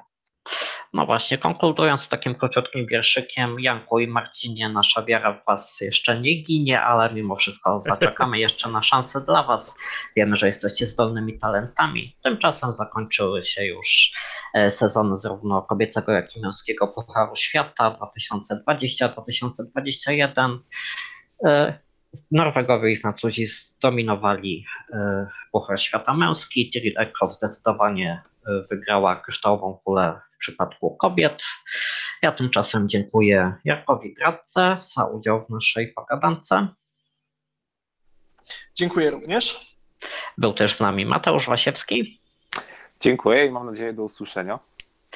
E, a także Mateusz Król, z którym mam przyjemność współprowadzić dzisiejszy podcast. Nie rozłączajcie się jeszcze, nie zamykajcie naszego podcastu, bowiem przyszedł czas na clue naszego programu, czyli skoki narciarskie. Krótki dżingiel i rozpoczynamy z nowymi gośćmi, rzecz jasna. Halo, tu zima. Krótka przerwa za nami, no i to, co tygryski w Polsce chyba kochają najbardziej, czyli skoki narciarskie, które dzisiaj świeżo się nam zakończyły, więc y, na gorąco będziemy je podsumowywać i to w szerokim, znakomitym gronie eksperckim, bowiem są z nami Anna Felska, Sportinwinter.pl, witamy serdecznie. Witam wszystkich. Paweł Baran, TVP Sport, witamy serdecznie. Cześć wszystkim, witam bardzo, bardzo serdecznie. Radosław Sarnik, Wintershoes.pl. Również witam wszystkich serdecznie. Brian Bednarczyk, UJFM. Dobry wieczór. Oczywiście Adrian Gerula, współprowadzący Sporting.pl nadal jest z nami. Czas szybko nam płynie, w związku z tym będę zachęcał do tego, żebyśmy szybko wypowiadali swoje opinie. Jeśli będzie okazja i chęć dyskusji, to jak najbardziej do tego zachęcam. Zaczniemy od Ani pytaniem sukcesu największego sezonu. Nie będę ci tu ograniczał do jednego zawodnika, jak najbardziej możesz mówić co chcesz, chyba że ci przerwę. E, rozumiem, że mówimy o naszej reprezentacji. Nie, ogólnie, tak? ogólnie o skokach narciarskich. E, no dobrze, to może zacznę od Polaków. Dla mnie, no tutaj e, myślę, że raczej wszyscy powiedzą podobnie. Dwa największe sukcesy to będzie wygrana w turnieju czterech skoczni Kamila Stocha i Mistrzostwo Świata Piotra Żyłę. Myślę, że to są dwa główne punkty tutaj sezonu, w których no, nasi zawodnicy odnosili największe sukcesy. Na, jakby do takich e, pozytywów mogłabym zaliczyć też e, jakby jako całość e, postawę Andrzeja Stękały, no i oczywiście to podium w Zakopanem. No a jeśli chodzi o inne reprezentacje, no to na pewno forma Halvora Egnera Graneruda i, i wygranie Pucharu Świata to jest niewątpliwie duży sukces i myślę, że no duże zaskoczenie, bo nikt raczej przed sezonem nie stawiałby go w, w roli aż takiego faworyta do, do, do wygrania tylu konkursów w sezonie. No i niewątpliwie Karl Geiger, bo on stał się takim killerem. E, no i wygrywał w najważniejszych momentach tego sezonu, e, zgarniał najważniejsze trofea. No i myślę, że to są takie najjaśniejsze punkty. No właśnie, tak żeby nie było, że się powtarzamy i wszyscy mówimy to samo, to trochę będę starał się wam utrudniać i, i do Pawła skieruję to pytanie inaczej. Czy jesteś absolutnie przekonany o tym, że to był sezon Halvora Egnera Graneruda, patrząc na to, że te najważniejsze momenty w sezonie no nie były dla niego najlepsze? Masz jakieś wątpliwości tutaj, czy absolutnie idziemy w to, że to był sezon tego zawodnika? Jeżeli chodzi o Puchar Świata, to wiadomo, że był, ale jeżeli popatrzymy sobie na te wszystkie łupy, które były do zgarnięcia, to moim zdaniem był to sezon Karla Geigera, czyli takiego zawodnika, który gdzieś tam był w pewnym momencie przemilczany, który e, po turnieju czterech skoczni miał taką zniżkę formy. Gdzieś poniekąd może to było spowodowane tym, że e, ten COVID dawał sobie też takie znaki, bo o tym jak rozmawiałem z nim e, w Willingen wspominał. Więc gdybym miał wskazać jednego zawodnika, który z tego sezonu może być absolutnie najbardziej zadowolony, to moim zdaniem Karl Geiger mistrz świata w lotach, drugi zawodnik turnieju czterech skoczni, mała kryształowa kula, medalem mistrzostw e, świata. Po prostu on był ze wszystkich zawodników w tym sezonie najskuteczniejszy. Wiadomo, e, Kamil Stoch, e, turniej czterech skoczni, Halvor Kryształowa Kula, Mistrzostwa Świata to Stefan Kraft i Piotr Żyła, ale mimo wszystko tak mm, najbardziej nasyconym zawodnikiem takim, którym, który się po prostu kolokwialnie mówiąc najwięcej nażarł i nachapał w tym sezonie jest Karl Geiger i dla niego tutaj moim zdaniem top jeden, jeżeli chodzi o osiągnięcia w tym sezonie. Mówimy o pozytywnych wibracjach i, i, zawodnikach, którzy rzeczywiście sukcesy odnosili w tym sezonie i tak się zastanawiam, Radek, czy, czy poza tymi nazwiskami, które tutaj padały, jest jeszcze ktoś, o kim możemy zapomnieć, a jednak jakiś sukces z tej zimy odniósł i to spory. No warto na pewno podkreślić o tym, biorąc pod uwagę, jakie problemy miał przed sezonem i na początku sezonu, o złotym medalu Stefana Krafta na Mistrzostwach Świata na dużej skoczni. Oczywiście to jest zawodnik bardzo utytułowany i jedno trofeum na sezon to nie jest jakiś wynik niezwykły dla niego, ale biorąc pod uwagę problemy w przygotowaniach związane z bólem pleców, który dospierał de facto do turnieju czterech skoczni, do tego też przejście covid na początku sezonu, to Austriakowi nie pomogło, nie był w stanie walczyć na przestrzeni całego sezonu, stąd po prostu przygotował formę na te jedne konkretne zawody, udało się, zasłużone zwycięstwo i zdecydowanie też należy go gdzieś tam w gronie gwiazd sezonu rozpatrywać. Mhm, to Brian, Brian, podrzucę ci pewne nazwisko i ty powiesz, czy się z tym zgadzasz, dlaczego i, i ewentualnie dorzucisz coś swojego. Andrzej Niszek, patrząc na to, jak sezon u Słoweńców się zaczął, jakie tam perypetie były, on wywalczył indywidualnie medal Mistrzostw Świata. Szczerze mówiąc, ja przed sezonem nie widziałbym go w takiej roli, a, a to, co zimą się działo, to już inna sprawa. Nie wiem, jak to się stało, ale z tymi Słoweńcami to mi trochę w myślach e, wyczytałeś, bo tak słucham sobie, co mówili moi poprzednicy. Nie zostawili mi za dużego wyboru, ale miałem na pewno gdzieś w głowie właśnie reprezentację Słowenii, bo zmiana trenera w międzyczasie, te wszystkie perypety, które tak naprawdę rozgrywały się w Słowenii już od kilku lat, bo to nie jest tak, że nagle w tym sezonie gdzieś problemy na linii trener-zawodnicy pojawiły się tak po prostu, tylko to, tylko to już trwało od jakiegoś czasu. I to, o czym wspomniałeś, medal Laniszka, super forma wydaje mi się w tym sezonie Bora Pawlowcicia, na pewno też gdzieś jakieś zalążki dobrej dyspozycji Petera Prełca, jakkolwiek by ktoś to mógł sobie ocenić. Ja osobiście uważam, że Jest to dobry prognostyk na przyszłość i wychodzi na to, że Słoweńcy w przyszłości niedalekiej będą znowu dużą siłą w skokach. No właśnie tutaj jest kwestia tego, że się podnieśli, trochę tak jak, trochę tak jak piłkarska reprezentacja w ostatnim meczu, e, ale to jest zupełnie inny temat. E, Adrian, chcesz coś dorzucić, czy, czy przy kolejnym pytaniu ewentualnie? E, dorzuciłbym jedno nazwisko, mianowicie podczas tych ostatnich konkursów Pucharu Świata, już nawet po zakończeniu Mistrzostw Świata w Oberstdorfie, zwróciłem uwagę na Ryoyu Kobayashiego, który już podczas samej mistrzowskiej imprezy przejawiał pewne inklinacje do całkiem niezłych skoków, ale jego ostatnie konkursy były wręcz fenomenalne i nie miało tutaj znaczenia, czy skacza on na skoczni normalnej. Pamiętam jego zwycięstwo z Rysznowa z Rumunii, czy też wygrano w Planicy 25 marca, no i po dosyć bezbarwnym początkowo sezonie, kiedy to był zawodnikiem co najwyżej solidnym, a nie błyskotliwym, udało mu się awansować aż na czwarte miejsce w klasyfikacji generalnej z bardzo niewielką stratą do Kamila Stocha. Rzeczywiście, jest to fajna uwaga, chociaż myślę, że w połowie sezonu, albo nawet jeszcze po mistrzostwach mówiliśmy, że to taki zawodnik, którego możemy do rozczarowania zaliczyć, ale ten sezon w ogóle w czołówce, mam wrażenie, był taki dość dziwny i zawodnicy mieli problem, żeby jakoś regularnie się utrzymywać w tej czołówce, e, albo wpadki większe zaliczali. No to przechodzimy do rozczarowania, skoro był przed chwilą Rioju i mówiłem o tych wątpliwościach. Ania, nie wiem, czy ty się ze mną zgodzisz, ale ja mam takie wrażenie, że było właśnie tak jak Rioju. Wielu zawodników, którzy w trakcie sezonu byli w naszych podcastach wymieniani jako ci, którzy zawodzą, a, a później trochę jednak coś tam zdobywali, jakoś się poprawiali i mam wrażenie, że tych zawodników, o których będziemy mówili, że są rozczarowaniem sezonu, będziemy szukali poza tymi, którzy regularnie startowali w Pucharze Świata. Jak to u ciebie? Tak, myślę, że mogę się tutaj z Tobą zgodzić, bo ten sezon rzeczywiście był troszkę dziwny pod tym względem, bo e, miałam wrażenie, że jakby ta czołówka jest na tyle szeroka, że właściwie e, bywały konkursy, można było to zauważyć choćby po Kamilu Stochu, tak? Bywały konkursy, gdzie on stawał na podium, a kolejnego dnia lądował w drugiej, trzeciej dziesiątce, więc um, dziwny był to sezon pod tym względem. Mam wrażenie, że, że ten poziom jest tak wysoki i tak e, wyrównany, że, że tutaj naprawdę detale mają znaczenie i jednego dnia możesz być na szczycie, a drugiego możesz być gdzieś, e, gdzieś kompletnie indziej, gdzieś indziej i e, to chyba sprawia, że, że faktycznie w tym sezonie bywało tak, e, że nagle jakiś zawodnik najpierw uznawany był, tak jak mówiłeś, za jakiś zawód, nagle w kolejnych konkursach prezentował super formę, choćby, choćby Stefan Kraft czy, czy, czy Ryoyu Kobayashi pod koniec sezonu.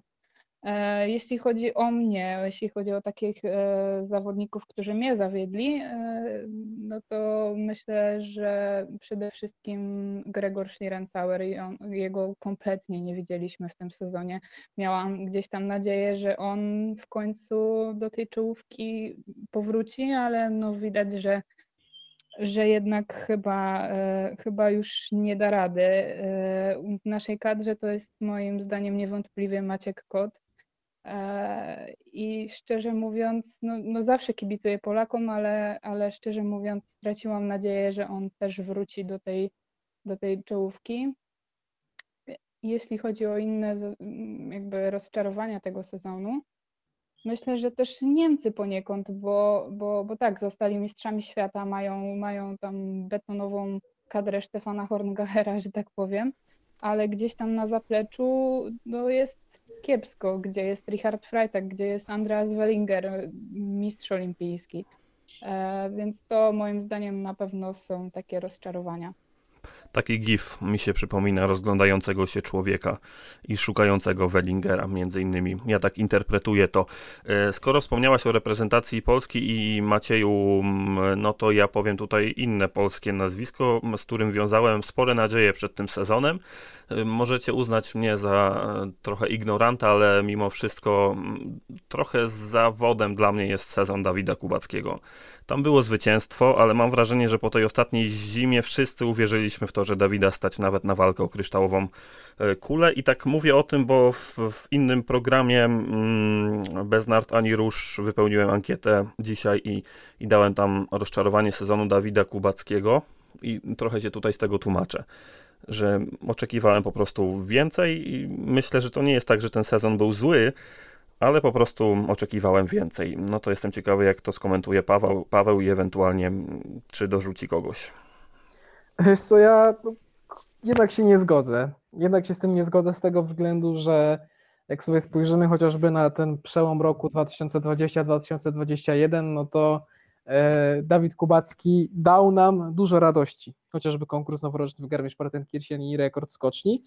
E, brakło mu regularności, ale nie zabrakło mu moim zdaniem wyników, bo to jest wciąż zawodnik, który kręci się wokół top 10 Pucharu Świata, o czym świadczy nawet lokata przecież w, w top 10.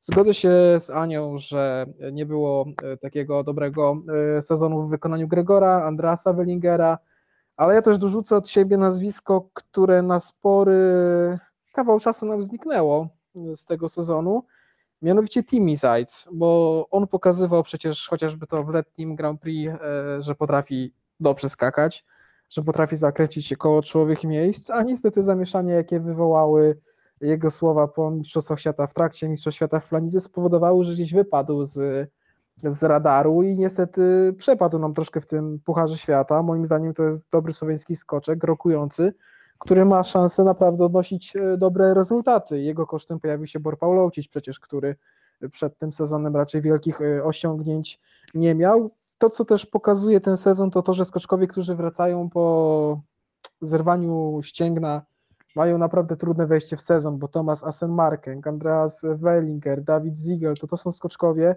którzy mieli te kontuzje i mają taki problem z odnalezieniem się w tej e, czołówce Pucharu Świata.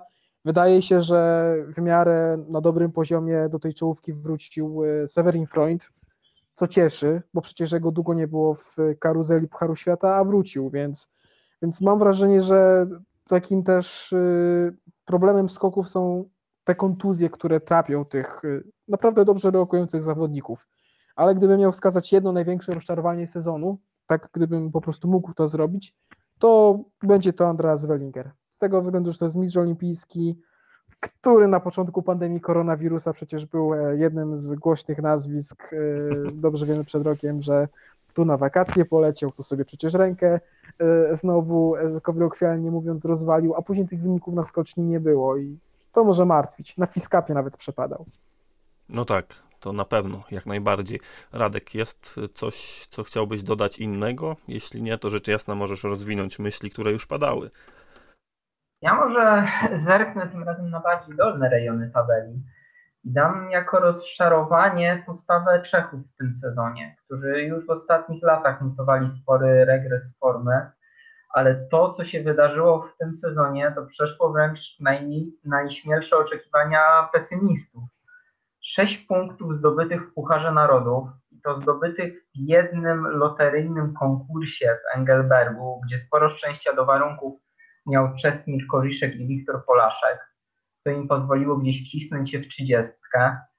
Poza tym ilość miejsc w ogóle w top 40 zawodów jest zatrważająco mała to jest, to jest to są cztery, cztery jeszcze poza tymi punktami w ogóle konkursy w 40.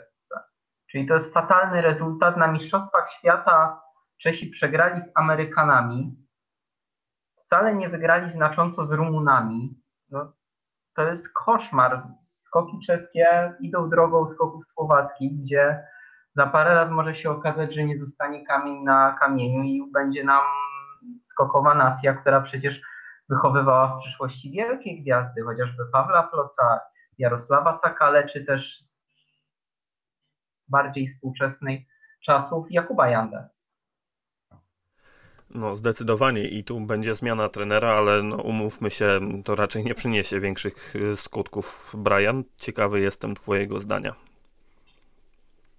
Tak teraz sobie myślę, że chyba Markus Eisenbichler był swojego o. rodzaju trochę rozczarowaniem w tym sezonie, bo zauważcie, że pierwsze dwa konkursy wygrane i wszystko wskazywało na to, że Horngacher będzie miał się z czego cieszyć, jeśli chodzi o zdobycie Pucharu Świata, co się niestety nie stało. E, do innych rzeczy, których mógłbym się, albo do innych zawodników, których mógłbym się przyczepić, e, to jest, słuchajcie, dla mnie przynajmniej, bo myślę, że ten zawodnik w naszej kadrze w przyszłości będzie liderem myślę najdalej za 2-3 lata to jest e, Jakub Wolny. Jak dla mnie jest to zawodnik, którego potencjał jest zbyt duży, żeby w tej chwili mm, nie był minimum w 20-15 Pucharu Świata. I uważam, że przyszły sezon dla niego będzie wiążący, jeśli chodzi o jego przyszłość jako zawodnika na dobrym światowym poziomie. E, co do poprzednich wypowiedzi, muszę przyznać, że trzeba, że trzeba było być dosyć dużym optymistą, żeby wierzyć, że wyszli Rencauer i Welliger wrócili do dobrej dyspozycji, bo jednak takie przerwy też ze względu na kontuzję, słuchajcie, robią swoje. No, ewentualnie można, powiem to, żałośnie skończyć jak Jana Ahonen i grać e, ciągle pożegnalne koncerty jak Budka Suflera. Okej, okay. coś w tym jest, no zwłaszcza, że Wellinger, mam wrażenie, że on on tak e, złapał kontuzję, co prawda, e, ale to nie było tak, że on był wtedy w wybitnej formie akurat i zniknął. On miał już problemy przed tą kontuzją, przecież nie miał najlepszego e, sezonu. Po igrzyskach właśnie te problemy się zaczęły już pod koniec sezonu 17-18. Mam wrażenie mentalne, ale ale nie wiem. No to proponuję przejść do zaskoczenia tak płynnie. Ania, co cię zaskoczyło tej zimy? Hmm. Powiem szczerze, że to trudne pytanie. I dlaczego to Andrzej Stękała? Żeby ci ułatwić. Czy to jest zaskoczenie? No w sumie tak, w sumie tak. Postawa Andrzeja Stękały jest może jakimś zaskoczeniem, chociaż gdzieś tam przed sezonem wiedzieliśmy, że, ta, że ta, to zaplecze dawna kadra B e, ruszyła do przodu, że gdzieś tam Klimek Murańka się pokazał na tych testach przed, przed startem sezonu. E, że Oleg zniszczył gdzieś tam, doszedł do formy, więc wiedzieliśmy, że, że to zaplecze nasze e, jakby troszkę dogoniło tą kadrę A dawną, e, więc no na pewno na plus to jest zaskoczenie Andrzej, Andrzej Stękała. Dla mnie no zaskoczeniem jest mimo wszystko Halvor Egner Granerud, bo, bo nie sądziłam, że on będzie w stanie E, przez cały właściwie sezon skakać na tak wysokim poziomie. Oczywiście no, gdzieś tam na tych głównych imprezach zawodził, ale w Pucharze Świata no, no, nikt nie miał z nim szans, że tak powiem, więc, więc dla mnie to jest zaskoczenie, że był aż takim dominatorem. Um, I co? I myślę, że to na tyle, jeśli chodzi o zaskoczenia. Paweł, co tam nam powiesz? Zaskoczenie im plus yy, to Bor Pauloucic, Dobrze wiem, że Halvor no to raczej temat, o którym każdy powie e, dużo i bardzo dużo. Bor z tego względu, że gdybyśmy mieli przed sezonem wskazywać lidera kadry słoweńskiej, no to pewnie powiedzielibyśmy gdzieś tam Angela Niszek, który zresztą tym liderem był, ale takim drugim zawodnikiem, który mógłby się liczyć w walce, byłby być może, nie wiem, Giga Jelar, z tego względu, że spisywał się dobrze w poprzednim sezonie, a Bor, no to takie wschodzące nazwisko, o którym mam wrażenie dużo kibiców skoków mało wiedziało, więc bardzo cieszy to, że pojawił się taki zawodnik, który zrobił naprawdę bardzo dobrą robotę. Zaskoczenie in minus, może dość niepopularna opinia, ale gdzieś w pewien sposób to, że Austriacy nie mieli żadnego zawodnika w top 10 Pucharu Świata na koniec sezonu. Cieszy to, że było mistrzostwo Stefana Krafta, ale jakoś wiązałem większe nadzieje z rolą Andrasa Witthelsla w roli pierwszego selekcjonera, trenera. Trochę przeszkód mieli, musisz przyznać. Tak, to jest kadra, która miała no, no naj, najbardziej dostała covidowo mhm. Po, swoich, po swoich skoczkach. No to na nich spadło w sumie najciężej i najbardziej, ale kurczę, gdzieś mi tego brakuje i e, martwi mnie to, że te skoki w tym sezonie stały się takie trochę bardzo trzynarodowe, że tak powiem. Trzy nacje wiodły prym i pod koniec sezonu zaczęło się to zmieniać. Mam nadzieję, że tego multi-kulti w przyszłym sezonie będzie więcej, że nie tylko Polacy, Norwegowie i, i Niemcy, ale dojdą do tego właśnie Słoweńcy, dojdą do tego Austriacy dojdzie do tego, mam nadzieję, któryś z Japończyków, mam nadzieję, że będzie to Naoki Nakamura, w co, w co gorąco wierzę. Dobrze, to przejdziemy do Radka i mam do ciebie dwa pytania, a później pofolgujesz sobie po swojemu dwa pytania. Czy byłeś zaskoczony tym, że 34-latek e, chyba Kamil Stoch jest w stanie wygrać jeszcze turniej czterech skoczni? To pierwsze pytanie, a drugie, czy jesteś zaskoczony reprezentacją Rosji, może konkretnie tym jednym zawodnikiem? O którym tak, powiesz zaraz.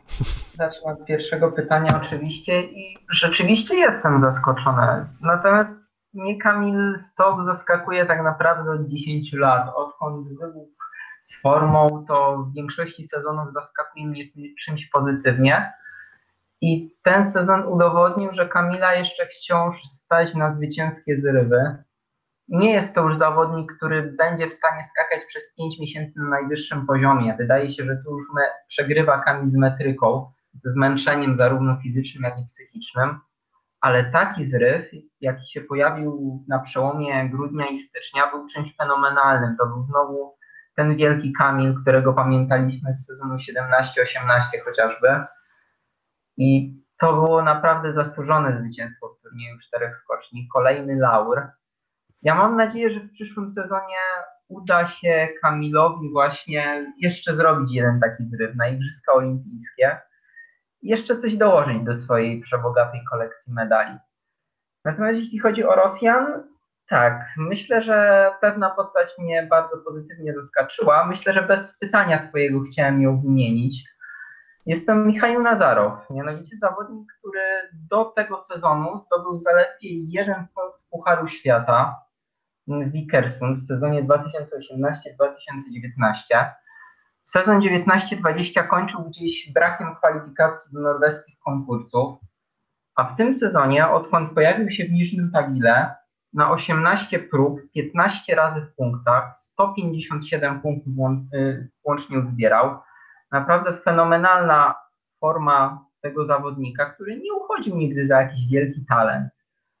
Przejął rolę lidera, biorąc pod uwagę pewne problemy Ewelina Klimowa z, przede wszystkim z federacją, gdzieś tam kłótnie między nim a, a, a federacją, taka niesubordynacja. Natomiast Michał Nazarow był zapewne subordynowany i skakał naprawdę na dobrym poziomie. Kiedy, kiedy trafiał dobre warunki, potrafił je wykorzystać. I jedynym skoczkiem poza top 6, który był od niego lepszy, był Gregor Deszpanek. Brian, coś dodajesz nam tutaj ciekawego? E, dwa nazwiska mm, z północy, które mi przyszły do głowy, tylko żebym się nie pomylił, bo y, oni mhm. mają dosyć podobne imiona i nazwiska. Anti Alto i Arti Aigro. Chyba się nie pomyliłem. Nie. E, chciałem też właśnie powiedzieć o Michaile Nazarowie, no ale już Radek mnie uprzedził, to już nie będę się nad nim więcej rozwlekał, ale sami chyba przyznacie wszyscy, że mm, przydaliby się Finowie w skokach w miarę powiedzmy w dobrej formie, w dobrej dyspozycji i też gdzieś to właśnie ta dodatkowa flaga, o których mówił Paweł, że brakuje, że mamy właśnie takie trzy kolorowe, czy, czy, czy, czy nacyjne e, konkursy i zawody, to na pewno fajnie było obserwować że zawodnicy gdzieś z takich, no umówmy się, mało narciarskich krajów, chociaż nie, może mało narciarskich, to obraziłbym kilku biegaczy ze Estonii, ale jeśli chodzi o skoki, na pewno są tam, są tam duże deficyty. I jeszcze jedno nazwisko teraz mi przychodzi na myśl, bo chyba najczęściej punktował w tym sezonie w swojej karierze, to jest Mackenzie Boyd Klaus. Bardzo brakuje mi Ameryki Północnej w skokach narciarskich w takim powiedzmy dużym formacie, bo są tam piękne widoki, które można pokazać w telewizji. Jest tam e, możliwość e, utrzymania i zbudowania fajnej infrastruktury, dlatego super, że e, jakkolwiek ktoś z tej części amerykańskiego kontynentu się pojawia w Pucharze Świata i nie wypada wcale tak źle na tle innych rywali. Kevin Bickner był takim zawodnikiem. Ciekawe, czy wróci po tej rocznej przerwie. Nie wiem, czy ktoś coś słyszał. Strasznie, strasznie go szkoda, to prawda. 244 metry chyba, poprawcie mnie. Chyba 244 metry rekord życiowy, to nie jest mało jak na kogoś z tamtych rejonów. Tak, no nie był to jakiś mega regularny zawodnik, ale jak na ten kraj to potrafił się pokazywać i dość fajne, jak dobrze pamiętam, igrzyska miał ostatnie. No to Adriana jeszcze zapytam, czy, czy coś tutaj nam doda. E, uzupełnię jeszcze może parę słów o Michaile Nazarowie, bo oczywiście bardzo lubię tego zawodnika i niezwykle cieszę się, że wreszcie pokazał na co go tak naprawdę stać, bo ten zaledwie jeden punkt dotychczas zdobyty w Pucharze Świata to było jednak troszeczkę za mało jak na skalę jego talentu, zwłaszcza jeśli chodzi o jego postępy na skoczniach największych, mamucich. No zresztą udowodnił to przed paroma dniami, jak i dzisiaj w Planicy. Y, zaskoczyła mnie też taka rzecz, że był to najlepiej punktujący w tym sezonie Rosjanin, bowiem dużo więcej spodziewaliśmy się po Jewgeniju Klimowie, który, jak pamiętamy, ma wyraźnie na pięku ze swoją reprezentacją, y, ze swoją federacją skoków narciarskich i myślę, że przed tym sezonem kompletnie nikt się nie spodziewał, że to Nazarow będzie tak naprawdę ciągnąć za uszy rosyjską kadrę. No i pięknie, no to przechodzimy płynnie do kontrowersji, bo czas szybko nam płynie i tak będziecie pewnie sypać teraz jak z rękawa, bo wiem, to był bardzo kontrowersyjny sezon i myślę, że Ania się ze mną zgodzi. Nie ma wyjścia Tak, zresztą. Nie ma wyjścia, tak.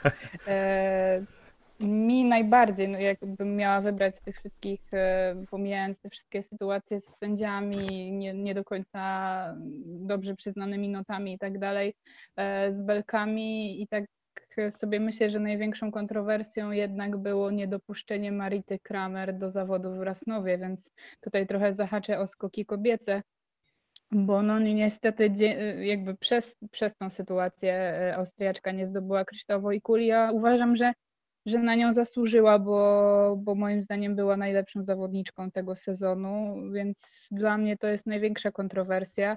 E, I tak samo e, kontrowersyjną sprawą był, był wynik Klemensa Muranki w Oberstdorfie, wynik testu na koronawirusa z tej sytuacji jakoś udało nam się wyjść obronną ręką. No, Austriaczka tyle szczęścia nie miała. Mm, więc moim zdaniem tutaj FIS no niestety popełnił duży, duży błąd. Czy tylko FIS? I to jest pytanie.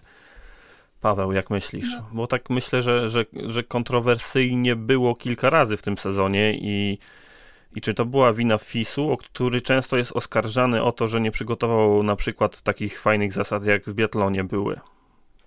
Znaczy, to, co było głównym zarzutem y, dla Sandro Pertile, to to, że FIS nie wprowadził przez cały ten sezon własnych y, zasad, mhm. jeżeli chodzi o kwestię związaną z koronawirusem, bo o tym często mówiliśmy nawet w trzeciej serii. To problemem była taka psychologia Mam wrażenie, że mm, FIS y, po prostu był, przepraszam, jeżeli tak to powiem, trochę leniwy nie chciał sam poświęcić czasu, żeby jakoś dogadać się z rządami państw, w których będą organizowane zawody. W ramach tego, że jeżeli my organizujemy tu jako FIS y, konkurs Pucharu Świata, to chcemy mieć własne wytyczne, jeżeli chodzi o zakażenia danych zawodników, bo w innych dyscyplinach sportowych, yy, chociażby w Formule 1 nie ma czegoś takiego, wiadomo, są większe pieniądze, większy biznes, ale nie ma czegoś takiego, że mm, jesteśmy w Bahrajnie, to podlegamy pod prawo Bahrajnu, jesteśmy w Niemczech, to podlegamy pod prawo na to, że jakie obowiązuje w Niemczech. Formuła 1 potrafi się dogadać w każdym z osobna sanepidem. I mamy jasną sytuację. Co się dzieje w sytuacji, kiedy jest zakażony kierowca, co jest w sytuacji, kiedy jest zakażony członek sztabu. Wszystko jest jasne. A tutaj czegoś takiego nie było i to było straszne. Pamiętam, jak Rozmawiałem z Sandro Pertile e, po tym, jak odwołano rower, czy jest możliwość, aby zorganizować zawody w Rosji. No to Sandro mówi nie, no bo wizy, no nie jest to możliwe, żeby tam ściągnąć zawodników. Porozmawiałem z kilkoma innymi osobami z tego środowiska skoków narciarskich i powiedzieli, że się da, tylko po prostu części osób się tego nie chce, nie chce ogarniać. Jeżeli mówimy o kontrowersjach innych niż koronawirus, mhm. to dużo w tym sezonie mówiło się o notach i dobrze wiem, że to był taki temat, który rozpoczął się przy okazji e, czempionatu w planicy w lotach narciarskich, gdzie te noty Michela Heibecka były między innymi kontrowersyjne e, względem innych zawodników. E, dużo mówiło się o tym, że powinni sędziowie mieć podgląd na, na monitorach. Było kilka tych tematów, ale mam wrażenie, że COVID, sytuacja, kiedy niektórzy nie byli dopuszczani do startów, tak jak Ania słusznie zauważyła, Marita Kramer i noty, dwa najbardziej wy, wy, takie wybijające się na pierwszy plan e, problemy i kontrowersje tego sezonu.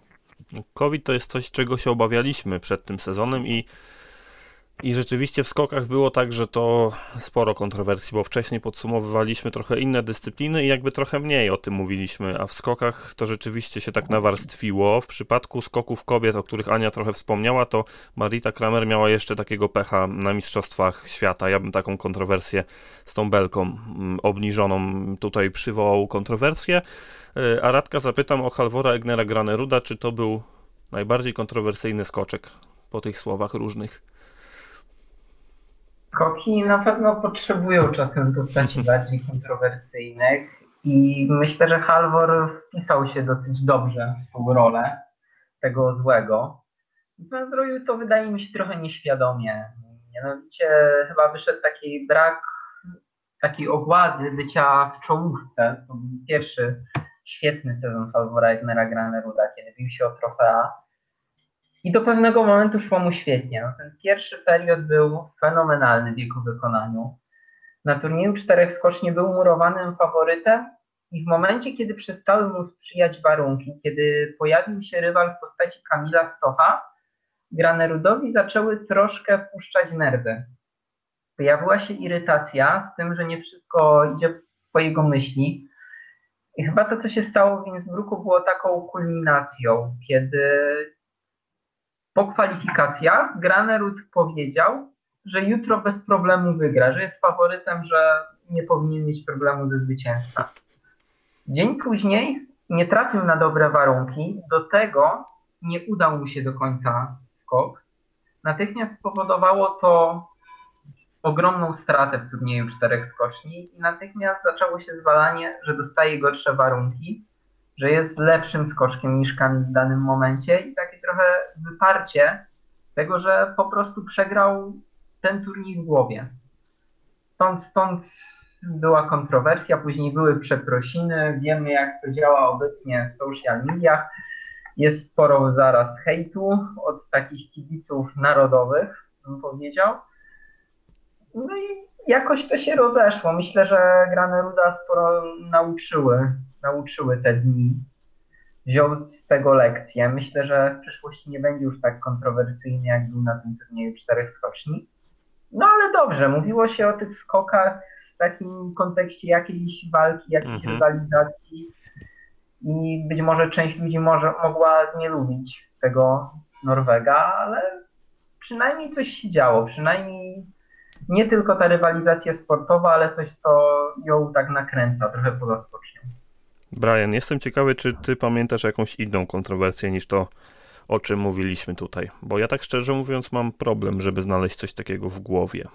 Coś więcej, e, no to przypomnijmy sobie jeszcze raz. Mamy COVID jako kontrowersję, mamy noty sędziowskie jako kontrowersję. Ja bym się przyczepił jeszcze do spraw związanych ze sprzętem, bo uważam, że już dawno to powinno być Mhm. unormowane na jakimś powiedzmy ludzkim poziomie, bo nadal uważam, że FIS jeszcze bawi się w złego policjanta, o czym mówiłem kilka podcastów wcześniej. E, Mam kontrowersję, taką najświeższą. Dlaczego Piotr Żyła tak późno rozlicza się z kolegą Morgensternem z flaszki? Ja się. I to gdyby nie to, że, że chyba ekipa TVP Sport trochę tam go przycisnęła. Tak, Antek, rozpo, Antek cicho rozpoczął całą tę karuzelę. E, przypomniał Tomasowi tę sytuację. Tomas powiedział, że jeszcze tej flaszki nie dostał. Po czym sprawę w swoje ręce wziął Filip Czyszanowski, mówiąc do Piotrka, ty Piotrek, słuchaj, jest taka sprawa, ty nie dałeś mu tej flaszki jeszcze. To weź zrobimy tak, że to ogarniemy i pojedziemy tam do niego, albo, albo on tu przyjedzie do Planicy. I skończyło się na tym, że Piotrek się zgodził. E, Filip skontaktował się z menedżerem e, Tomasa Morgensterna, to chyba to przez Red Bull jakoś jest e, załatwiane. E, Dogadali się na godzinę dzisiaj 15 w Wilach i, i udało się to przekazać na szczęście. No to mamy pewne Czyli kulisy. jeszcze należy się rekompensata dla panów redaktorów z TVP Sport. I to kolejne. jeszcze długów. Ja bym chciał Słuchaj, powiedzieć, że Piotr ja Żyła to wam wiele wisi. Ja bym chętnie jakąś flaszeczkę zrobił z Piotrem Żyłą. Nie, to, to nie Tym bardziej świata, słuchaj, ty bardziej z mistrzem świata, to się nie zdarza każdemu. No ale wiecie, O, to prawda, zwłaszcza, że to nie jedną wam wisi, bo tak naprawdę Piotr Żyła na turnieju czterech skoczni rozpoczął serię Złoty Bażant. Wiem, że nie chodziło konkretnie chyba o tego, którego dostał, ale tak naprawdę wy uratowaliście sytuację Piotra Żyły, który wywołał taką rywalizację, a przyszło co do czego, to takiego Złotego Bażanta nie było i, i dostał od was. A, no to, to, to, to wiadomo, ja bym chętnie Piotro, Piotrowi innego bażanta sprezentował, Tak, tak. ale wiadomo, telewizja Bez lokowania produktu. Pewne zasady, nie możemy promować alkoholu, ale jakby wziął sprawę w swoje ręce i by, i by nie było już czasów covidowych, co, to, to jest bardzo ważne, ja bym tam chętnie podjechał z jakąś kratą pod hotel skoczków i być może zostałbym wpuszczony, a teraz wiadomo, przepisy są jakie są, więc gdyby pojawił się jakiś dziennikarz w maseczce z kratą e, piwa pod hotelem, no, mogłoby to zostać dziwnie odebrane.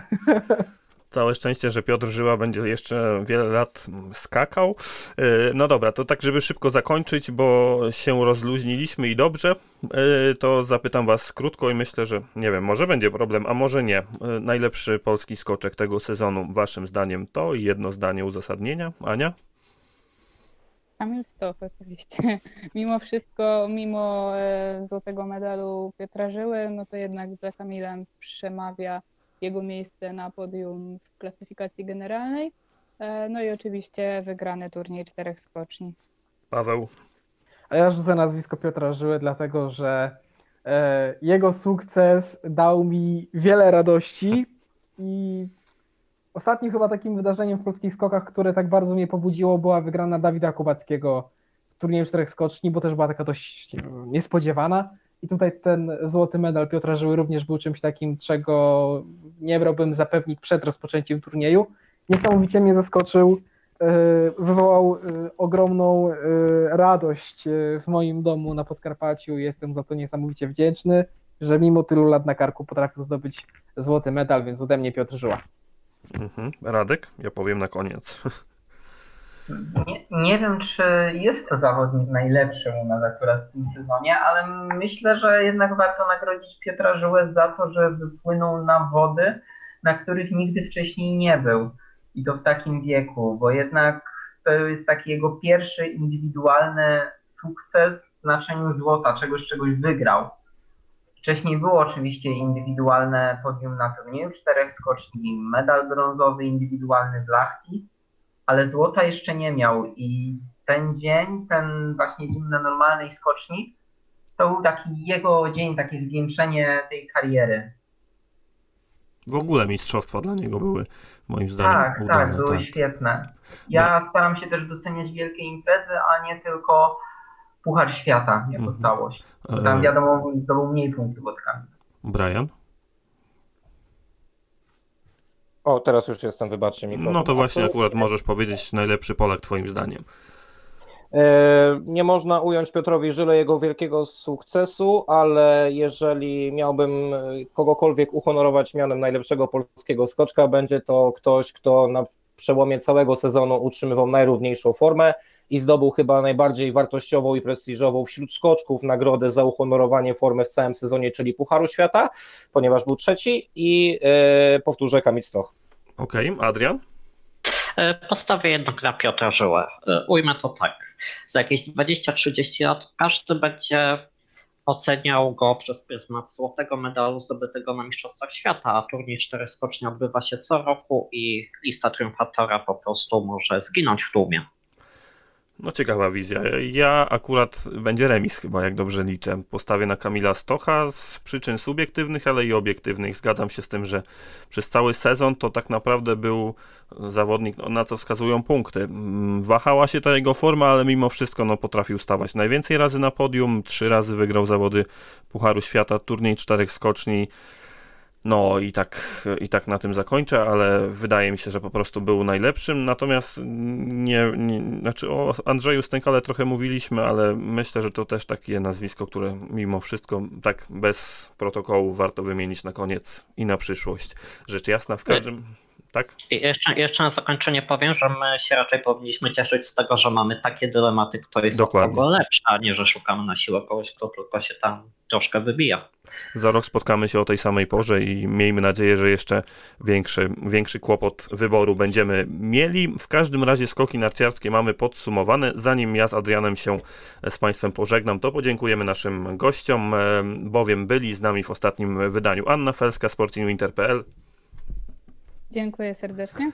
Paweł Baran, TVP Sport, dla którego to też był chyba sezon przełomowy, prawda Pawle? Dzięki.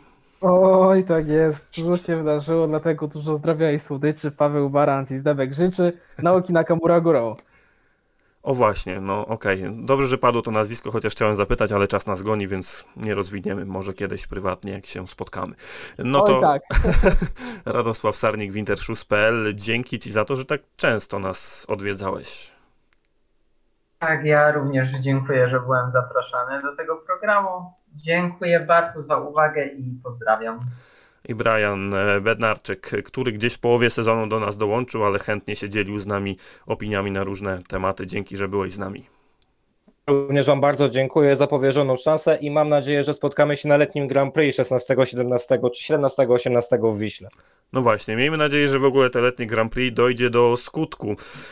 My będziemy się z Wami, drodzy Państwo, powoli żegnali, dziękując za ten cały sezon, chociaż podcast wyszedł tak naprawdę w trakcie tego sezonu. Ktoś tam mnie gdzieś delikatnie przyparł do, do ściany i jednak to wypaliło, chociaż szczerze mówiąc byłem sceptycznym trochę na początku, prawda Adrian?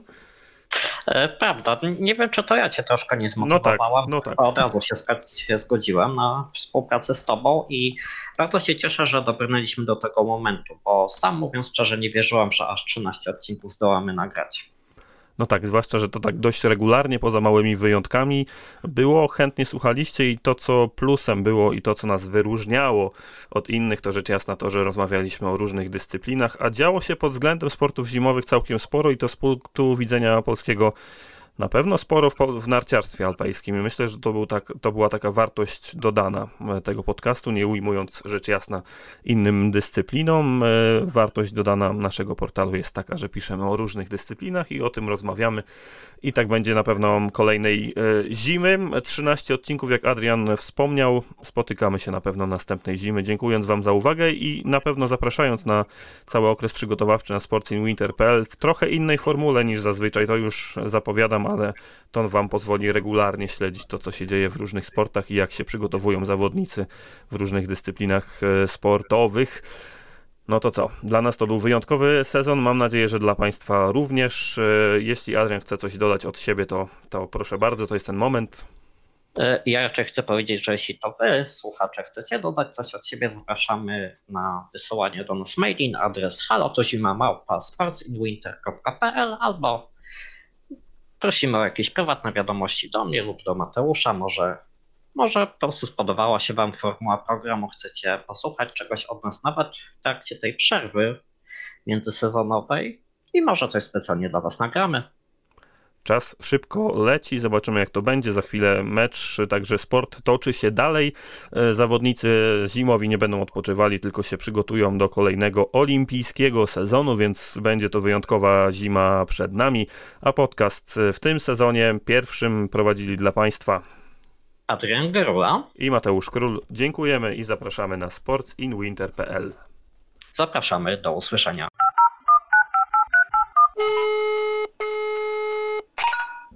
Tuzima.